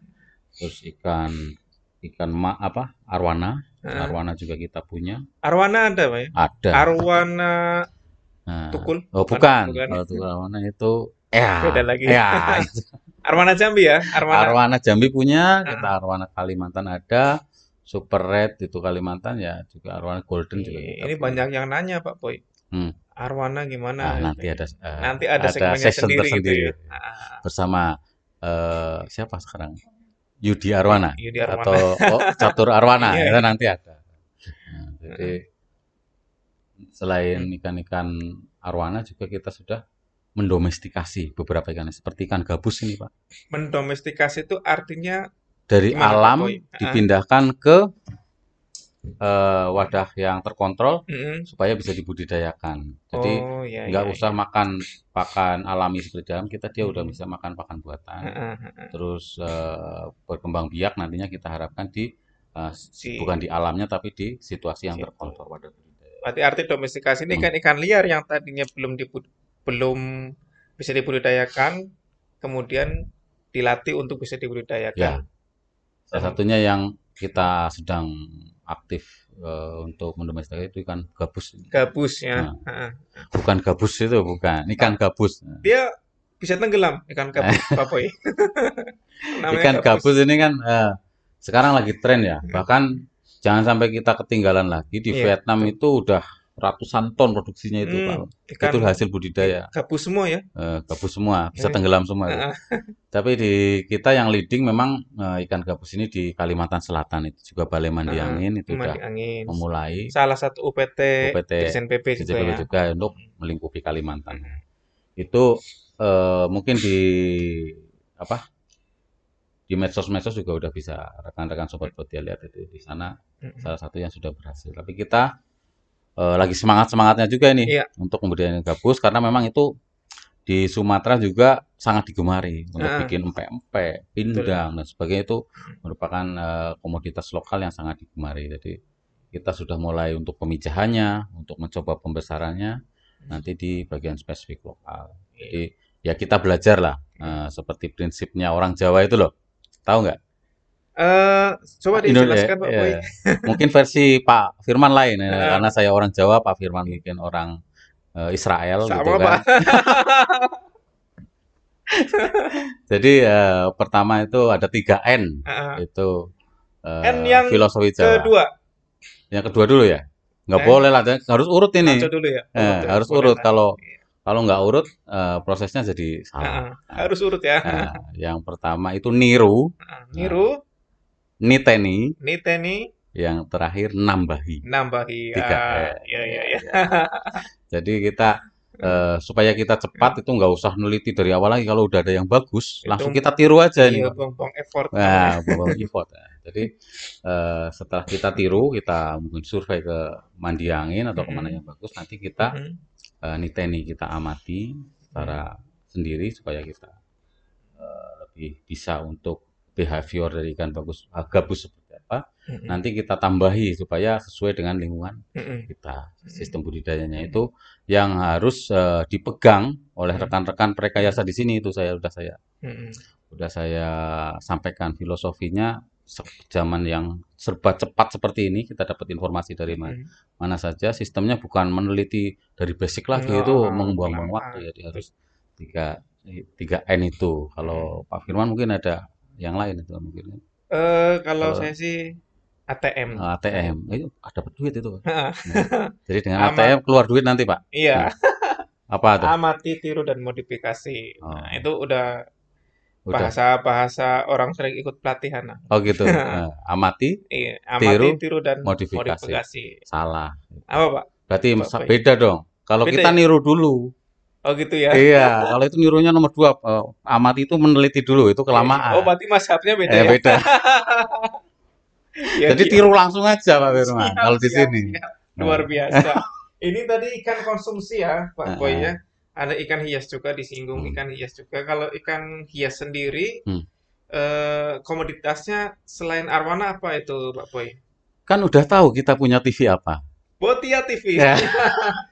Jangan pura-puranya orang luar, Ya, Boy. Ya itu. Jadi eh, yang selalu kita kembangkan dan sampai saat ini belum menyerah. Tapi mohon maaf memang belum memuaskan teknologinya masih Hmm. belum ekonomis ya untuk di, di- Hmm. diseminasikan ke masyarakat. Kita terus kembangkan ikan botia. Tahun ini mungkin kita menggunakan untuk pematangan menggunakan recirculating aquaculture system Ah, RAS ya. Botia tapi itu ya ya. botia. Tapi ke depan kita mungkin akan kembalikan ke alamnya supaya lebih ekonomis. Kita akan coba eh, pematangan gona di Sungai Batanghari supaya- karena di eh, ini apa menghabiskan listrik banyak, jadi belum ekonomis ya untuk Hmm. pematangan gona. Eh, ke depan kita akan perbaiki terus teknologinya. Kita nggak menyerah ini karena Jadi- ini ikon kita ini Ah, harus betul. eh, harus kita push terus supaya Iya. berhasil. Mohon doanya juga bagi Nah, sobat botia. sobat Botia semua. Se- kalau ya kalau di, dipijakan atau pematangan telur sih bisa, cuman belum ekonomis gitu Nah, aja betul ya. ya. Belum berani kita Kalau ya, kalau ini. seperti di Tanah. Jepang itu ikan sidat gitu. Ah, Ikan sidat itu mereka sudah bisa memijahkan tapi belum ekonomis, masih mending nakap di alam. Mm-mm, gitu. mm. Jadi mereka Seperti masih itu ya. tetap impor glass eel ini, seperti Ah. itu. Jadi Botia pun posisinya seperti itu, tapi kita belum menyerah. belum. Itu ikan hias eh, arwana, botia dan kalau kita mau beli ikan hias ada juga Pak Boy. Barangkali Ah, kalau ikan hias mau beli. mungkin yang sudah sebagian kita jual itu ikan arwana. Mm-mm. Cuman untuk tahun ini saya programkan karena memang balik kita mau diperluas ini. Ya, Jadi ikan arwana arwana kita belum jual ini. tahan dulu. Tahan dulu untuk Apa calon induk. ditahan? Nah, untuk calon induk biar Oh, iya. banyak dulu. Karena kolam kita kan bakalan banyak Betul, nih. betul. Iya, iya, iya. Nah, kalau dulu kan kita jual karena memang kolam kita eh, lebih diprioritaskan untuk ikan-ikan konsumtif. Ah. Jadi untuk arwana, sobat Botia memang ada tapi ditahan dulu Dikit karena dulu untuk calon induk. untuk per- eh, kita dapat perluasan ini Pak Nah. Ya, perluasan kolam nanti untuk calon ini. Eh, komoditas eh, ikan konsumsi ikan hias. Nah, selain ikan, Hmm. apa aja yang dikembangkan? Oh, kalau komoditas yang berproduksi secara rutin itu pakan Hmm. mandiri. Pakan mandiri. Mm-mm. Nah, itu gimana Pak Boy? Pakan mandiri yang udah sangat kita, kita kenal sebagai insan yang di Sumatera mungkin ya glamor itu kan. Heeh. Ikan pakan glamor itu udah kita produksi secara massal Heeh. eh, dan kita sampaikan ke masyarakat apa eh, formulasinya juga kita latih ke Iya. masyarakat. Di sini kita juga berproduksi. Yang di karungnya tulisannya gelam or itu ya. Nah, gelam Heeh. Our. Hmm. Gelam itu sungai gelam, Our untuk kita. Kita, Nah. Jadi sungai gelam kita lah. gelam kita. Nah, gitu. Jadi itu salah satu produk kita yang ke depan Hmm. akan terus kita kembangkan. Dan sesi selanjutnya mungkin ada Glamor Plus. Nah, Ya, itu nanti ini, ada. ini bisa nggak plus plus bukan? Ah, plus aja ya. plus Plus, aja. plus. Ini boleh Kak Pak Boy kita minta bocoran eh, berapa maharnya itu untuk gelam or itu? Oh, kalau eh, Berapa harganya? kalau detail harga dari Ah. ikan, ikan maupun pakan, Pakan, nanti bisa hubungi pelayanan publik. Heeh. Ya, gitu. Supaya eh, lebih jelas, lebih detail, saya persilahkan. Heeh. Dari benih, ya produk kita nih, benih, calon induk, eh, induk yang sudah matang juga. Mm-mm. berbagai ikan yang sudah saya sebut tadi ya. Terus eh, pakan mandiri, Mm. terus ada juga eh, probiotik, probiotik, probiotik. oh, Nah, probiotik kita punya ya. rumah probiotik, Pak Firman. Nah, ini Nah. belum kesebut tadi. Nah. Ini Menarik, menarik ya ini. menarik. Probiotik Bukan menarik punya- becak ya. Punya rumah ya. Jadi memang kalau orang sekarang kan konsepnya jual probiotik, jual probiotik. Iya. Hmm, kalau kita mau jual konsep rumah probiotik, Pak Firman. Ah, Jadi Rumah probiotik. Satu jadi kita jual itu eh, profesionalisme dari rekan-rekan Mm-mm. eh, rekayasa kita Mhm. eh, untuk membuat rumah probiotik di nanti di sentra-sentra yang akan kita bangun seperti di klaster Mhm. atau di tempat eh, kampung-kampung ikan nanti kita akan Heeh. bangun. Jadi eh, rekan-rekan petani ikan atau pembudidaya ikan, Mm-mm. bukan tadi pembudidaya atau Mm. PR nanti tidak usah membu- membeli setiap saat. Mm-mm. Mereka bisa memperbanyak sendiri di rumah probiotik itu. Mm-mm. Eh, nanti kita konsepkan eh, satu rumah ap- butuhnya apa saja supaya kita bisa berproduksi eh, probiotik secara kontinu Mm-mm. untuk memenuhi di kolam-kolam di kawasan tersebut. Kita udah bikin nanti rekan-rekan juga kalau mau belajar bisa langsung eh, ke balai kita. Mm. Ini cukup efisien ya. Nanti ada Mas Suratno ya dan Iya. Bu Yuniar nanti Hmm. bisa membimbing Heeh. untuk rumah probiotik. Mm. Ini kita lagi bikin konsepnya supaya nanti kita bisa punya juknisnya, Mm. nanti bisa disebarkan. Mm. Nah, kalau mau diprogramkan ke DCPP juga silahkan. Iya. gitu. Jadi Berarti eh, probiotik bukan eh, barang yang eh, luar biasa atau Bukan. ini sudah menjadi kebiasaan kita juga untuk bisa membuat. bikin sendiri Iya. rupanya. Gitu. Berarti tidak ngasih ikan ke pembudidaya, tetapi juga ngasih pancingnya gitu Nah, istilahnya. Betul. Nah, supaya nga- bisa. ngajarin supaya bisa. Nah. Komunitas sudah pakan mandiri. Mm-mm. Pakan cuman pakan ini apa? pel- Pelet aja atau ada ada yang Jadi lain? sementara ini kan Hmm. kita yang sudah jadi produknya itu kan Hmm. eh, tadi saya sebut glamor itu khususnya yang ma- sudah efisien itu untuk patin dan nila. Hmm. Kalau untuk lele masih kurang bagus eh, Hmm. akan kita kembangkan. Hmm. Tapi ke depan eh, kita itu meng- eh, sebagai pemerintah itu akan mengisi yang kosong-kosong ini. Pak. Iya. Jadi salah satunya pakan induk ini Pak Firman. Ah. Ini kita akan buat tahun ini. Hmm. Kita akan formulasi, nanti kita akan sebarkan ke masyarakat. Baik formulasi itu maupun produknya. Karena penting ini kita sampai saat ini eh, pakan induk masih belum pakai pakan yang khusus untuk pakan induk. Hmm. Hmm. Karena pabrik-pabrik pakan pun belum memproduksi eh, yang Pakan khusus induk gitu karena ya. memang mungkin kuotanya tidak butuh banyak, mereka juga Ah. masih menghitung ekonomis. Jadi di situlah kita nanti berperan. Jadi kita masih pakai pakan ikan laut ya, nggak usah Ah. disebut merek kan. Iya, Nah, kecuali nanti dia mau eh, apa? endorse gitu Ya, ya. mengendorse. Jadi kita masih pakai pakan ikan laut yang notabene itu eh, secara nutrisi itu tidak cocok juga untuk induk. Cuma proteinnya aja yang oh, tinggi. Karena ah, induk kan nggak cuma butuh protein supaya kualitas Ada telur apa kualitas yang Hmm, lain ya. kualitas telur maupun kualitas larvanya bagus. Hmm, ya. hmm. Jadi kalau mengalami hambatan-hambatan itu di pemijahan ini petani-petani dan kualitasnya nggak bagus itu karena memang pakannya mungkin yang kurang tepat. Gini Pak Boy, Nah. saya kan gini-gini juga hobi baca Pak Boy. Ya, iya, Nah, iya. Saya udah namatin konflik apa komik Jinmi Kung Fu Boy, Dragon Ball. Nah, itu bukan boy boy saya ya, Iya, ya, bukan. bukan boy. ya. Nah, saya baca eh, bukunya Seven Habit, punyanya Hmm. Stephen Covey. Mungkin Oh. kalau orang yang suka baca udah pernah sering dengar lah. Itu kan segala sesuatu mulai dari visi.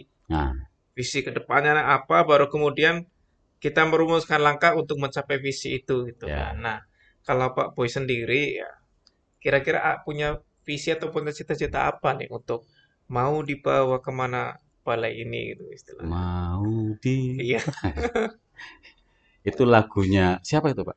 Itu anu Armadillo kalau nggak salah. Armadillo. Armadillo Ya, ya. Band. Armada, Pak.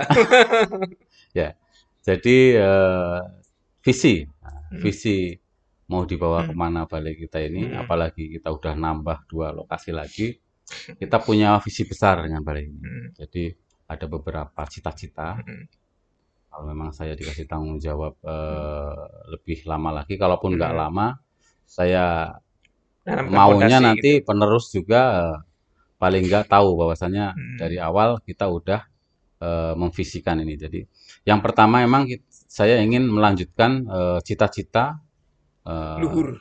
cita-cita luhur founding father Ya. dari balai kita ini bahwasanya dulu ada cita-cita bahwa balai kita ini menjadi hmm, aquaculture training center. Jadi untuk Se, budidaya nasional, senasional. itu internasional, Pak. Internasional Iya, ya. jadi sejak JICA itu kita memang jadi tra- ingin balai kita ini jadi training centernya khususnya untuk ikan-ikan air tawar, spesifik lagi ikan air tawar yang eh, di daerah rawa tropis atau rawa gitu ya. tropis dan di rawa. Kalau yang di Sungai Gelam ini. Sebentar Pak Boy, Hmm. ini kan CIK juga ya punya cita-cita seperti Bukan, ini dulu awalnya bukan JIK, emang eh, kita kerjasama itu cita-citanya itu. Oh, Jadi dari Indonesia juga itu. iya. Nah. Kenapa kita kemudian bekerja sama dengan CIK?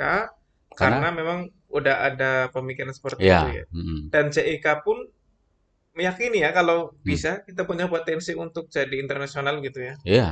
Dan memang udah ya udah kita bahas tadi ya, kita udah melatih di beberapa negara yang datang ke sini. Heeh. Meskipun waktu itu dengan JIK ya. Jadi Iya. kita persiapkan juga memang eh, SDM kita nanti memang juga trainer-trainer ke depan itu saya maunya udah paling nggak pinter bahasa Inggris nih Pak Firman. ah. Eh, salah satunya itu loh. Yes, yes. Siap Pak Firman? Agree, agree. Oh, Ah, of course. ready. Jadi eh, ini mungkin ada eh, ada tahapannya ya. Mungkin lima tahun itu Indonesia, 10 tahun eh, mulai internasional. Mungkin gitu ya. Ada jangka Ah. panjang, ada jangka, Ah, jangka pendek atau jangka menengah itu. Eh, dan kita fasilitasnya sedang kita siapkan, mulai Ya. dari pelayanan publik, dari asramanya semuanya. Eh, dari sekarang kita kembalikan marwahnya supaya memang eh, arahnya ke situ.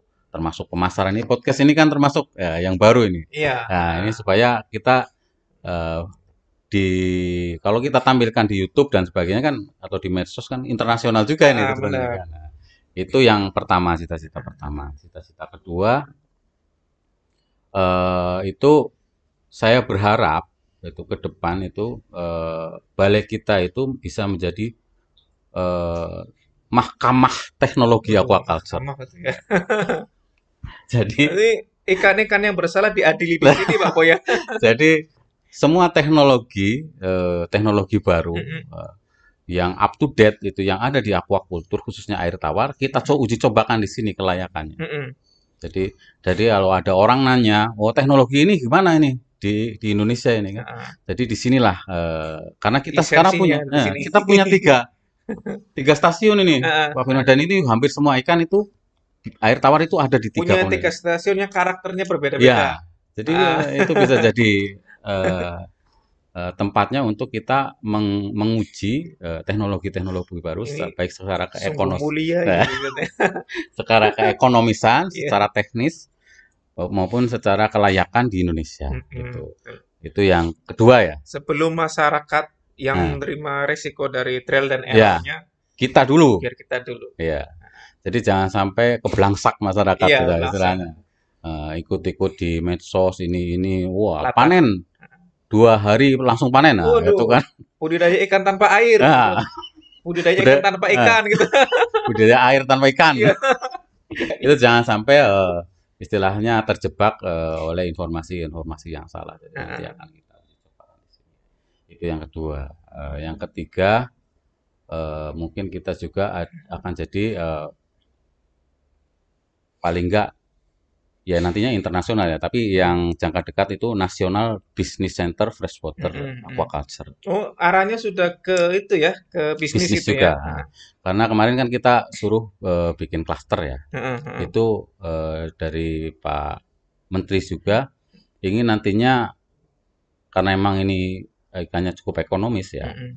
ingin balai-balai kita ini jadi BLU, Balai Layanan Umum. Jadi Mm-mm, mm. otomatis kita nanti akan membiayai sendiri. Mm-mm. Pastinya bertahap, Pak. Itu kayak Firman. BUMN kali ya. Ya seperti rumah sakit itu loh. Heeh. Itu kan BLU, Badan Badan Layanan. Nantinya bisa membiayai sendiri, mungkin awalnya dari operasionalnya bisa kita putar tiap tahun Mm-mm, supaya makin besar, nanti lama-lama mungkin sampai ke pegawainya pun mm-mm. dan sebagainya nanti pembiayaan sendiri itu ada tahapannya untuk jadi BLU. Jadi memang kita berharap suatu, suatu saat nanti balai-balai khususnya eh, di Jambi ini Mm-mm. menjadi eh, bisnis center, Mm-mm. bisnis center. Nah, se- pertama training, mahkamah aquaculture, bisnis center, yang terakhir, nah Mm-mm. ini Empat ya. empat aja lah, nggak usah banyak-banyak. Nah, Iya. Itu aja udah luar biasa nanti. Heeh. Yang keempat, eh, dengan adanya balai-balai yang tiga ini, Mm. hmm, kita nanti akan menyelenggarakan eh, aquaculture tour, Aquaculture, tour tor, seperti tor, eh, Indonesian Aquaculture Tour, tour, gitu. oh, tour gitu ya. Nah, tour. Jadi touring, touring. Nah. Jadi eh, kita niru di Cina ini, China. Mm, Jadi mm. jadi di Cina itu nanti bisa dilihat itu ada Mm-mm. China's Aquaculture Tour. Mm-mm. ya. Jadi eh, itu dari segi pariwisata. Jadi kita eh, eh, menggandeng, Mm-mm. menggandeng semua pihak Mm-mm. untuk melihat aquaculture Indonesia ini, Iya. aquaculture Indonesia. Jadi nantinya ini akan eh, berefek lebih luas lagi. Mm-mm. Jadi eh, akan lebih banyak menyerap tenaga kerja, meningkatkan pendapatan, Mm-mm. eh, daya saing tinggi, Ekosistem bisnis eh, juga bisa ada. tuh, daya saing, sekeliling, iya, ekosistem. jadi menyerap apa? Kayak bisnis. lagu itu loh, budidaya perikanan itu loh. Iya, Mars budidaya ya, ya. Mars budidaya, meningkatkan tenaga kerja, eh, meningkatkan kesejahteraan, berdaya saing tinggi, mem- membuat nilai tambah. Apal ya, Harus apal, Boy, ya? apal nggak? Itu cita-citanya itu. Jadi untuk itu kita mengkonsep supaya balik kita Mm. mempunyai peran seperti Mars Aquaculture itu. Iya. Jadi, eh, itu cita-citanya. Cita-citanya ke situ ya. Iya. Empat tadi ya. it- Empat eh, itu ini bisa diwariskan ini Pak Firman. Kan ini apa? Podcast ini nanti kan akan sepanjang masih ada YouTube kan masih ada itu. Iya betul dan Jadi, mungkin ah. generasi setelah kita akan melihat Pak Boy Oh, ini dulu. oh, Mudah-mudahan cita-citanya dia gini. sudah tenang di. Eh, dulu, dulu, dulu. Sudah tenang di mana lah gitu Iya, ya. di mana, Oh. kan tinggal diisi sesuai dengan nanti gimana itu. Ini Pak Boy, Eh, eh, tadi ngomong-ngomong soal usaha juga kan Pak Boy juga kan dulu pernah di PLU Hmm. ya, Balai Layanan Usaha gitu kan. mm-mm. Eh, tentunya di situ kan ya Ada pengalaman. swasta lah ya, Ya. mirip-mirip kayak swasta ya. gitu kan. Hmm. Yes. Udah bukan hal asing lagi Hmm. bermain dengan yang namanya analisa usaha, Hmm. untung rugi Hmm. itu kan ada per- ada pengalaman lah. Walaupun Hmm. mungkin sekarang posisi Pak Boy kan eh, birokrat lah, Birokrat. Apa itu birokrat? birokrat atau PNS ya. Eh, bukan. Paling naiknya sedikit Kuli negeri. Iya, kuli Eh, negeri, Abdi negara. Eh, eh, pelayan masyarakat lah gitu siap. kan. Nah, pokoknya siap melayani. Eh, kita mintalah Pak Boy berbagi lah gimana sih tips-tipsnya untuk semua sa- Usaha bagi- ya. eh, usaha. Balai layanan usaha ya. Nah, karena kan balai layanan usaha ada pengalaman gitu kan. Hmm. Ini mungkin pertanyaan ini lebih tepat ke kepala balai layanan usaha, tapi nggak apa-apa. Saya Ah. pernah di sana, Iya, iya. akan saya coba jawab. Jadi eh, selama di PLU PPP Karawang itu dulu memang saya punya pengalaman untuk membawahi sebagai eh, kalau di sana namanya kepala divisi, kepala divisi air tawar. Dan Kepalanya aja. Iya, kepala divisi air tawar. Jadi itu memang usaha air tawar, ikan-ikan yang potensial itu Hmm. sudah kita lakukan. Itu mulai dari ikan patin dulu kita Hmm. budidayakan di sana, terus ikan nila yang ditambak, ikan Hmm. nila salin. Terus juga ada ikan lele, Hmm. eh, secara kita waktu itu ceritanya sampai industri ya, patin juga industri, semua industri nih ceritanya. Juga ikan sidat, waktu itu sudah kita mulai. Jadi ada empat komoditas utama yang waktu itu kita budidayakan di Karawang. Jadi secara umum dari pengalaman saya, selain di BLU juga di eh, Jambi awal secara teknis maupun di eh, Sukabumi secara administratif, keuangan dan sebagainya, ada hmm, lima kunci untuk usaha budidaya. Lima ya, Ya, lima. Panca usaha usaha aquaculture. Ya, Panca usaha mina. panca usaha mina. Mina, mina ikan. Ya lah. Gitu. Jadi kalau untuk usahanya lima. Lima. Nah, ah, kalau untuk sampai ke industri itu ada enam, Pak, syaratnya. Mm. Jadi ada satya, eh satya ya. Berarti semuanya sebelas. Bukan. Oh, Ditambah satu lagi. tambahan Jadi lima satu tambah lagi. satu. Ah, ah. Nah, itu. Mungkin akan saya sebutkan satu-satu, Pak. Firman. Boleh. Nah, yang pertama memang Kalau nggak disebutin malah penasaran nanti Ya. Pak Boy. nanti jadi buat nanti ya. Iya, cuma ngasih tahu lima. Udah itu ditutup. Ya kan? Kan lucu nanti Pak Boy. Siap, Pak Firman. Jadi lima ini akan coba saya apalin nih karena kemarin udah saya ini agak. Jadi untuk membuat usaha aquaculture itu ada lima hal. Yang pertama infrastruktur. Infrastruktur Ya, ya. jadi memang untuk Contoh? berusaha kita itu harus menyiapkan dulu infrastrukturnya ini. Mm-mm. Infrastruktur itu dalam arti eh, bangunannya ya, itu Sarpras ada lah ya mungkin ya. kolam, ada kalau mau hatchery ada akuarium, kalau eh, kita mau apa budidaya yang terkontrol misalnya eh, fasilitas bioflok dan sebagainya itu harus dipenuhi. Dipenuhi dalam arti itu supaya nyaman kita bekerjanya, Mm-mm. eh, jadi enggak apa kumuh dan sebagainya kan kita Mm-mm. jadi nggak semangat kerja ya. Betul. Nah, terus juga ekonomis dari Mm-mm. segi jumlahnya. Mm-mm. Jadi kalau satu orang cuma menangani dua bak bioflok itu kan nggak ekonomis itu, Iya. banyak nganggurnya gitu kan. Ah, Jadi eh, secara ekonomis harus misalnya satu orang bisa menangani 50 bak gitu. mm-mm. Itu harus ekonomis infrastrukturnya. Juga eh, infrastruktur ini supaya selain nyaman, ekonomis, juga memang eh, secara fungsional itu berjalan. Gitu. Maksudnya eh, fungsi-fungsi supaya ikan hidup dengan nyaman itu juga eh, sesuai. Jadi kita nggak Hmm. khawatir lagi. Eh, misalnya malam-malam, aduh nanti ikan saya ini megap ini nggak ada aerasi gitu kan. Nah, jadi nggak ada kekhawatiran. Jadi kita bisa tidur dengan tenang Hmm. gitu. Itu, itu. Bisa tidur dengan tenang ya. Ya, Jangan bisa Jangan. istirahat dengan tenang. itu itu satu. Yang kedua SDM. Hmm. Hmm.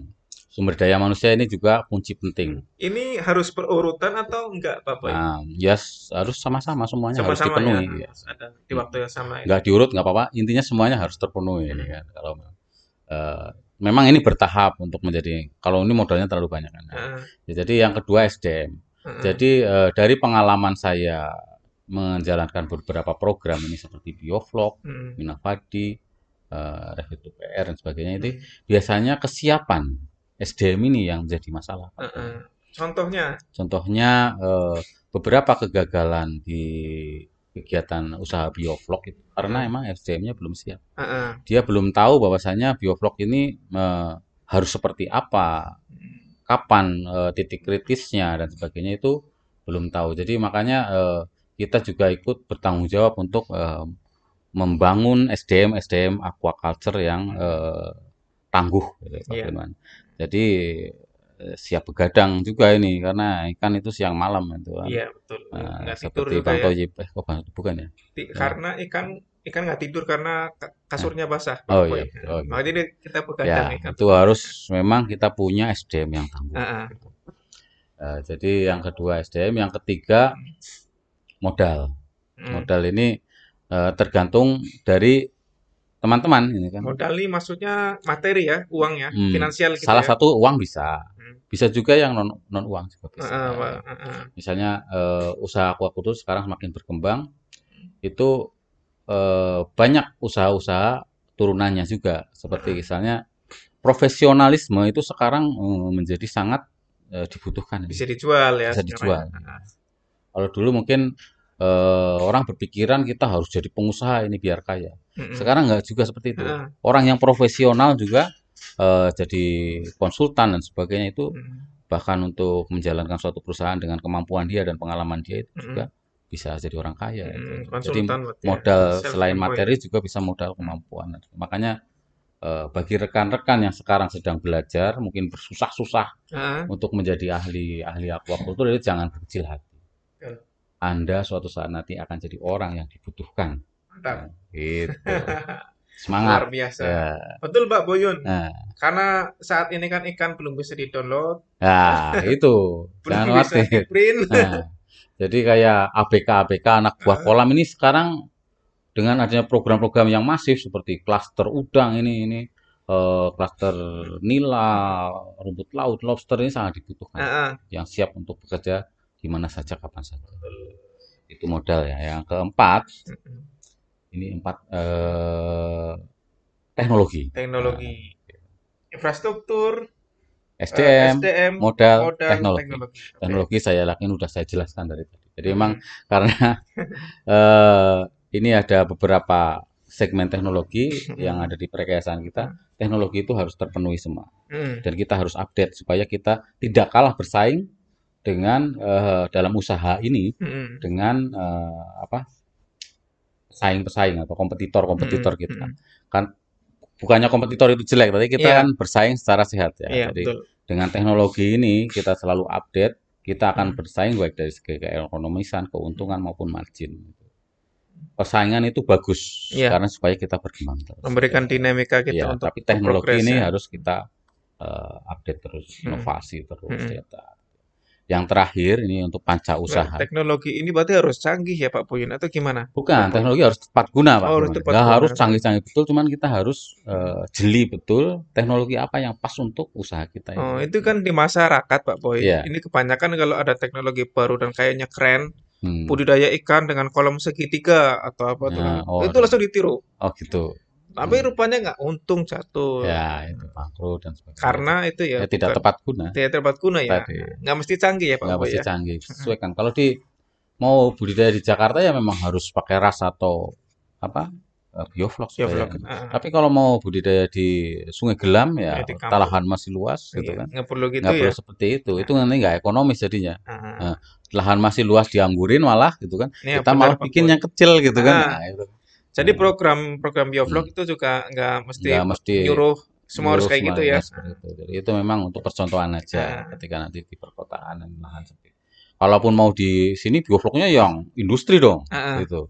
Yang karena lahan masih luas yang baknya mungkin diameternya 10 atau 20 Iya, iya, gitu kan. iya. Jadi lebih produktivitasnya lebih luar Iya biasa. betul. Berarti di- tidak jangan lata ya. Jangan Pesan lata. dari Pak Boy itu itu Nah, jangan lata dengan teknologi Jangan gitu lata ya. dengan teknologi. Harus Program ini bagus, Nah, cuman kita harus menyesuaikan dulu juga betul. dengan kondisi itu. Itu teknologi. Untuk Keempat, keempat ya, satu lagi. Eh, lima ya. kan Kalau untuk ada bisnis ah, untuk usaha ya. enam kan. Ya. Jadi untuk panca yang terakhir itu Mm-mm. sebenarnya ini utama memang nggak nggak bukan bukan ini yang tidak diutamakan terakhir Heeh. ya, tapi ini sebenarnya utama pasar Pasar ya. market. Heeh. Jadi untuk berusaha kita harus menyesuaikan eh, permintaan pasar. Jadi Mm-mm. kita udah harus tahu bahwasanya pasar ikan ini ada di mana. gitu. Paling nggak Mm. kita udah harus survei dulu. Mm-mm. Berarti ada kata eh, market intelligence. Jadi kita Yes. harus melihat dulu ah, di mana ini pasar ikan yang mau kita budidayakan. Mm-mm, mm-mm. Ini kalau teman-teman bisa pergi ke pasar, Pergi ke pasar salah ya. satunya ya. Jadi ikan-ikan apa sih yang laku Naik gitu delman kan? istimewa ya. Ah, iya. Pergi ke Itu pasar. laku, laku terus pesan gitu kan. Itu kalau yang pasar lokal gitu Iya. kan. Kalau pasar internasional eh, kita juga bisa buka di eh, website-website gitu Mm. kan. Itu banyak itu eh, tentang bagaimana kondisi eh, pasar. Mungkin salah satu yang saya senang ini World Aquaculture itu di situ Mm. ada tuh. Internasional berarti ya. Ya, untuk pasar internasional. Salah satu yang memang pasarnya internasional itu udang. Jadi kita nggak mengikuti pasar lokal itu. Mm-mm. Harga itu mengikuti Dolar pasar berarti. internasional. Hmm. Kalau di lokalan sendiri gimana Pak Boy yang pasar virtual tadi itu Hmm. online? Kalau online juga kemarin saya ke budidaya itu sudah berkembang pesat, Pak. Mm-mm. Jadi dengan adanya pandemik ini, pandemi corona, nah, Yes, jadi Corona. eh, kita pasar itu berkembang pesat, Pak. Jadi memang eh, door to door itu lebih berkembang. Jadi itu juga eh, ada keistimewaan petani akan untung lebih banyak gitu. Pembudidaya maksud saya. Itu karena tidak melewati broker-broker lagi. Memotong rantai, Memotong rantai broker gitu hmm, ya. rantai. Kalaupun Middleman. ada ya cuma satu atau dua. Walaupun sebenarnya ya Kita middleman itu bukan Ya, apa bukan kita profesi. haramkan tapi itu kita Ah, butuhkan juga.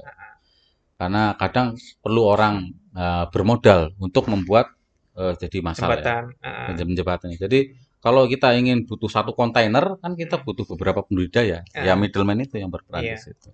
Tapi bukan berarti middleman itu mematikan budidaya dan ah.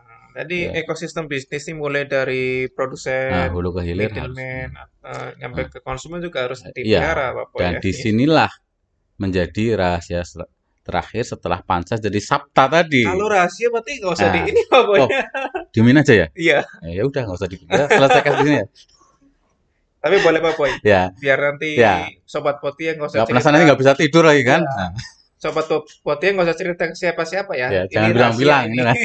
ini rahasia. nah, jadi untuk jadi industri sebuah Mm. aquaculture memang harus itu harus ada yang keenam ini Mm. terintegrasi, Terintegrasi. Integrated, integrated aquaculture. Jadi eh, memang cita-cita kita semua kita mem- mempunyai Mm. ekosistem aquaculture Mm. yang besar, industri itu kita harus mengintegrasikan Mm.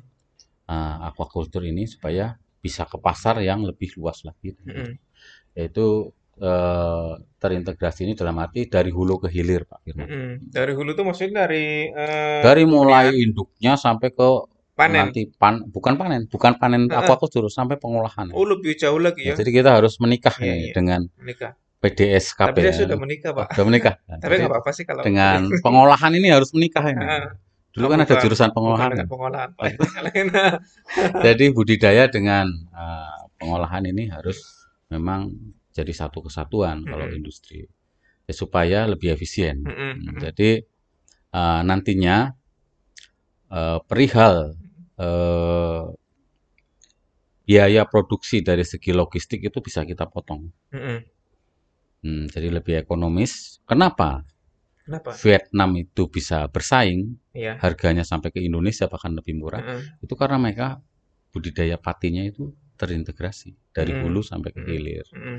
Maksud saya dari hulu ke hilir, jadi mereka mulai dari di satu lokasi di Delta Mekong itu, Iya. hmm, itu nanti di situ ada pabrik pakannya, Mm. di situ ada budidayanya, di situ ada eh, Pengolahan. processingnya, Hmm. processing yang skalanya memang industri. Jadi mereka terintegrasi.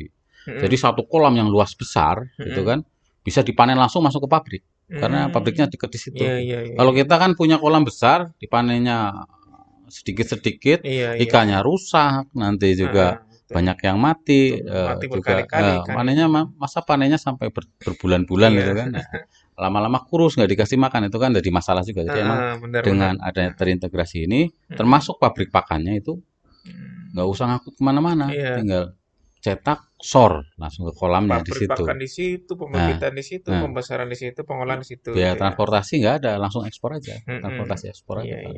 iya. Bahkan sampai eh, saking pengembangan pengolahannya luar biasa itu, di sana itu eh, waste-nya, Mm. waste dari pengolahan patin itu, Mm. Sisanya itu gitu ya. sisanya, buangannya Nah, itu seperti- bisa menutupi biaya produksi dari budidaya. Misalnya pembuangan dari patin itu apa aja tuh, Pak Pai? Eh, kalau fillet, kebetulan Hmm. eh, saya punya pengalaman di Karawang, kita Mm-mm. kerjasama dengan salah satu processing itu, pembuangan dari ikan patin itu eh, ada kepalanya, Mm-mm. ada kulitnya, Kulit kulit dibuang ya. Nah, Heeh. jeroannya, ya. juga memang sirip-sirip dan sebagainya itu eh, Tulang juga kali tulang, ya? tulang, ya.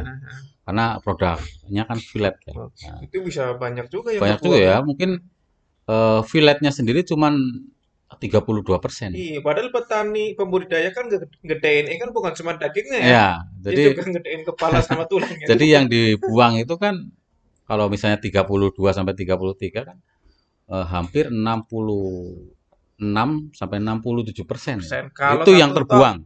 Nah, berarti nah, tinggal hitung aja. ya. Iya, iya. Nah, jadi wajar kalau itu bisa menutupi biaya produksi di sana. Heeh, heeh, Jadi filletnya itu tinggal untungnya. heeh. Jadi mau dijual berapa juga kita kalah bakal kalah bersaing kalau Iya. belum bisa sampai ke tahap itu. Makanya itu harus terintegrasi kalau pengen Hmm. dulu apa Kalau pengen industri, gitu industri ya. industri. Sekali. Nah, dan Kalau cuma UKM berarti lima Hmm. kali ya. Sekali UKM tadi. kalau UKM ah yang lima itu Lima cukup. itu. Tapi kalau ingin industri ini memang harus digabungkan, dikawinkan sampai ke pengolahannya. Nanti jadi kita bisa bersaing di pasar internasional. Hmm. Jadi eh, dari situ juga kita dari itu juga saya udah nulis itu Pak Firman. Oh, Saya udah bikin buku baru ini. Nah, Oh. Pak ini Boy masih off the ya? record ini. Bukan nulis di belakang kali. Ah. Nanti kita tentang industrialisasi patin itu sudah saya tulis di satu buku.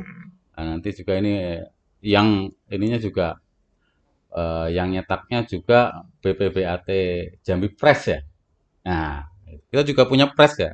Selain selain Botia TV kita juga punya percetakan ini, Iya, Sobat iya. Botia. Jadi nanti kita akan ya. terbitkan buku-buku dan sebagainya supaya eh, secara masif teknologi ini bisa sampai ke Nah, masyarakat. tanggung jawab dari BPATSK untuk mengedukasi, gitu Ya, mensosialisasikan jadi memang teknologi. selain tiga tadi ya, Center of Excellence, Mm-mm.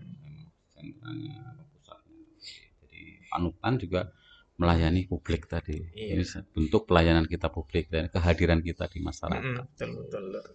Ini sebenarnya banyak yang pengen kita eh, ulik lagi dari Pak Boy, dari ide-idenya ya, dari Balai juga, cuman waktu juga Pak Boy. Iya, nanti kita bikin segmen-segmen aja. Iya. Eh, kalau ya ini Sobat Botia ya, kalau ingin berbicara tentang apa atau membahas apa, silahkan Silakan. Nah, di kolom komentar Kolom ini kan. komentar. Misalnya Iya. misalnya tentang budidaya terintegrasi itu apa sih?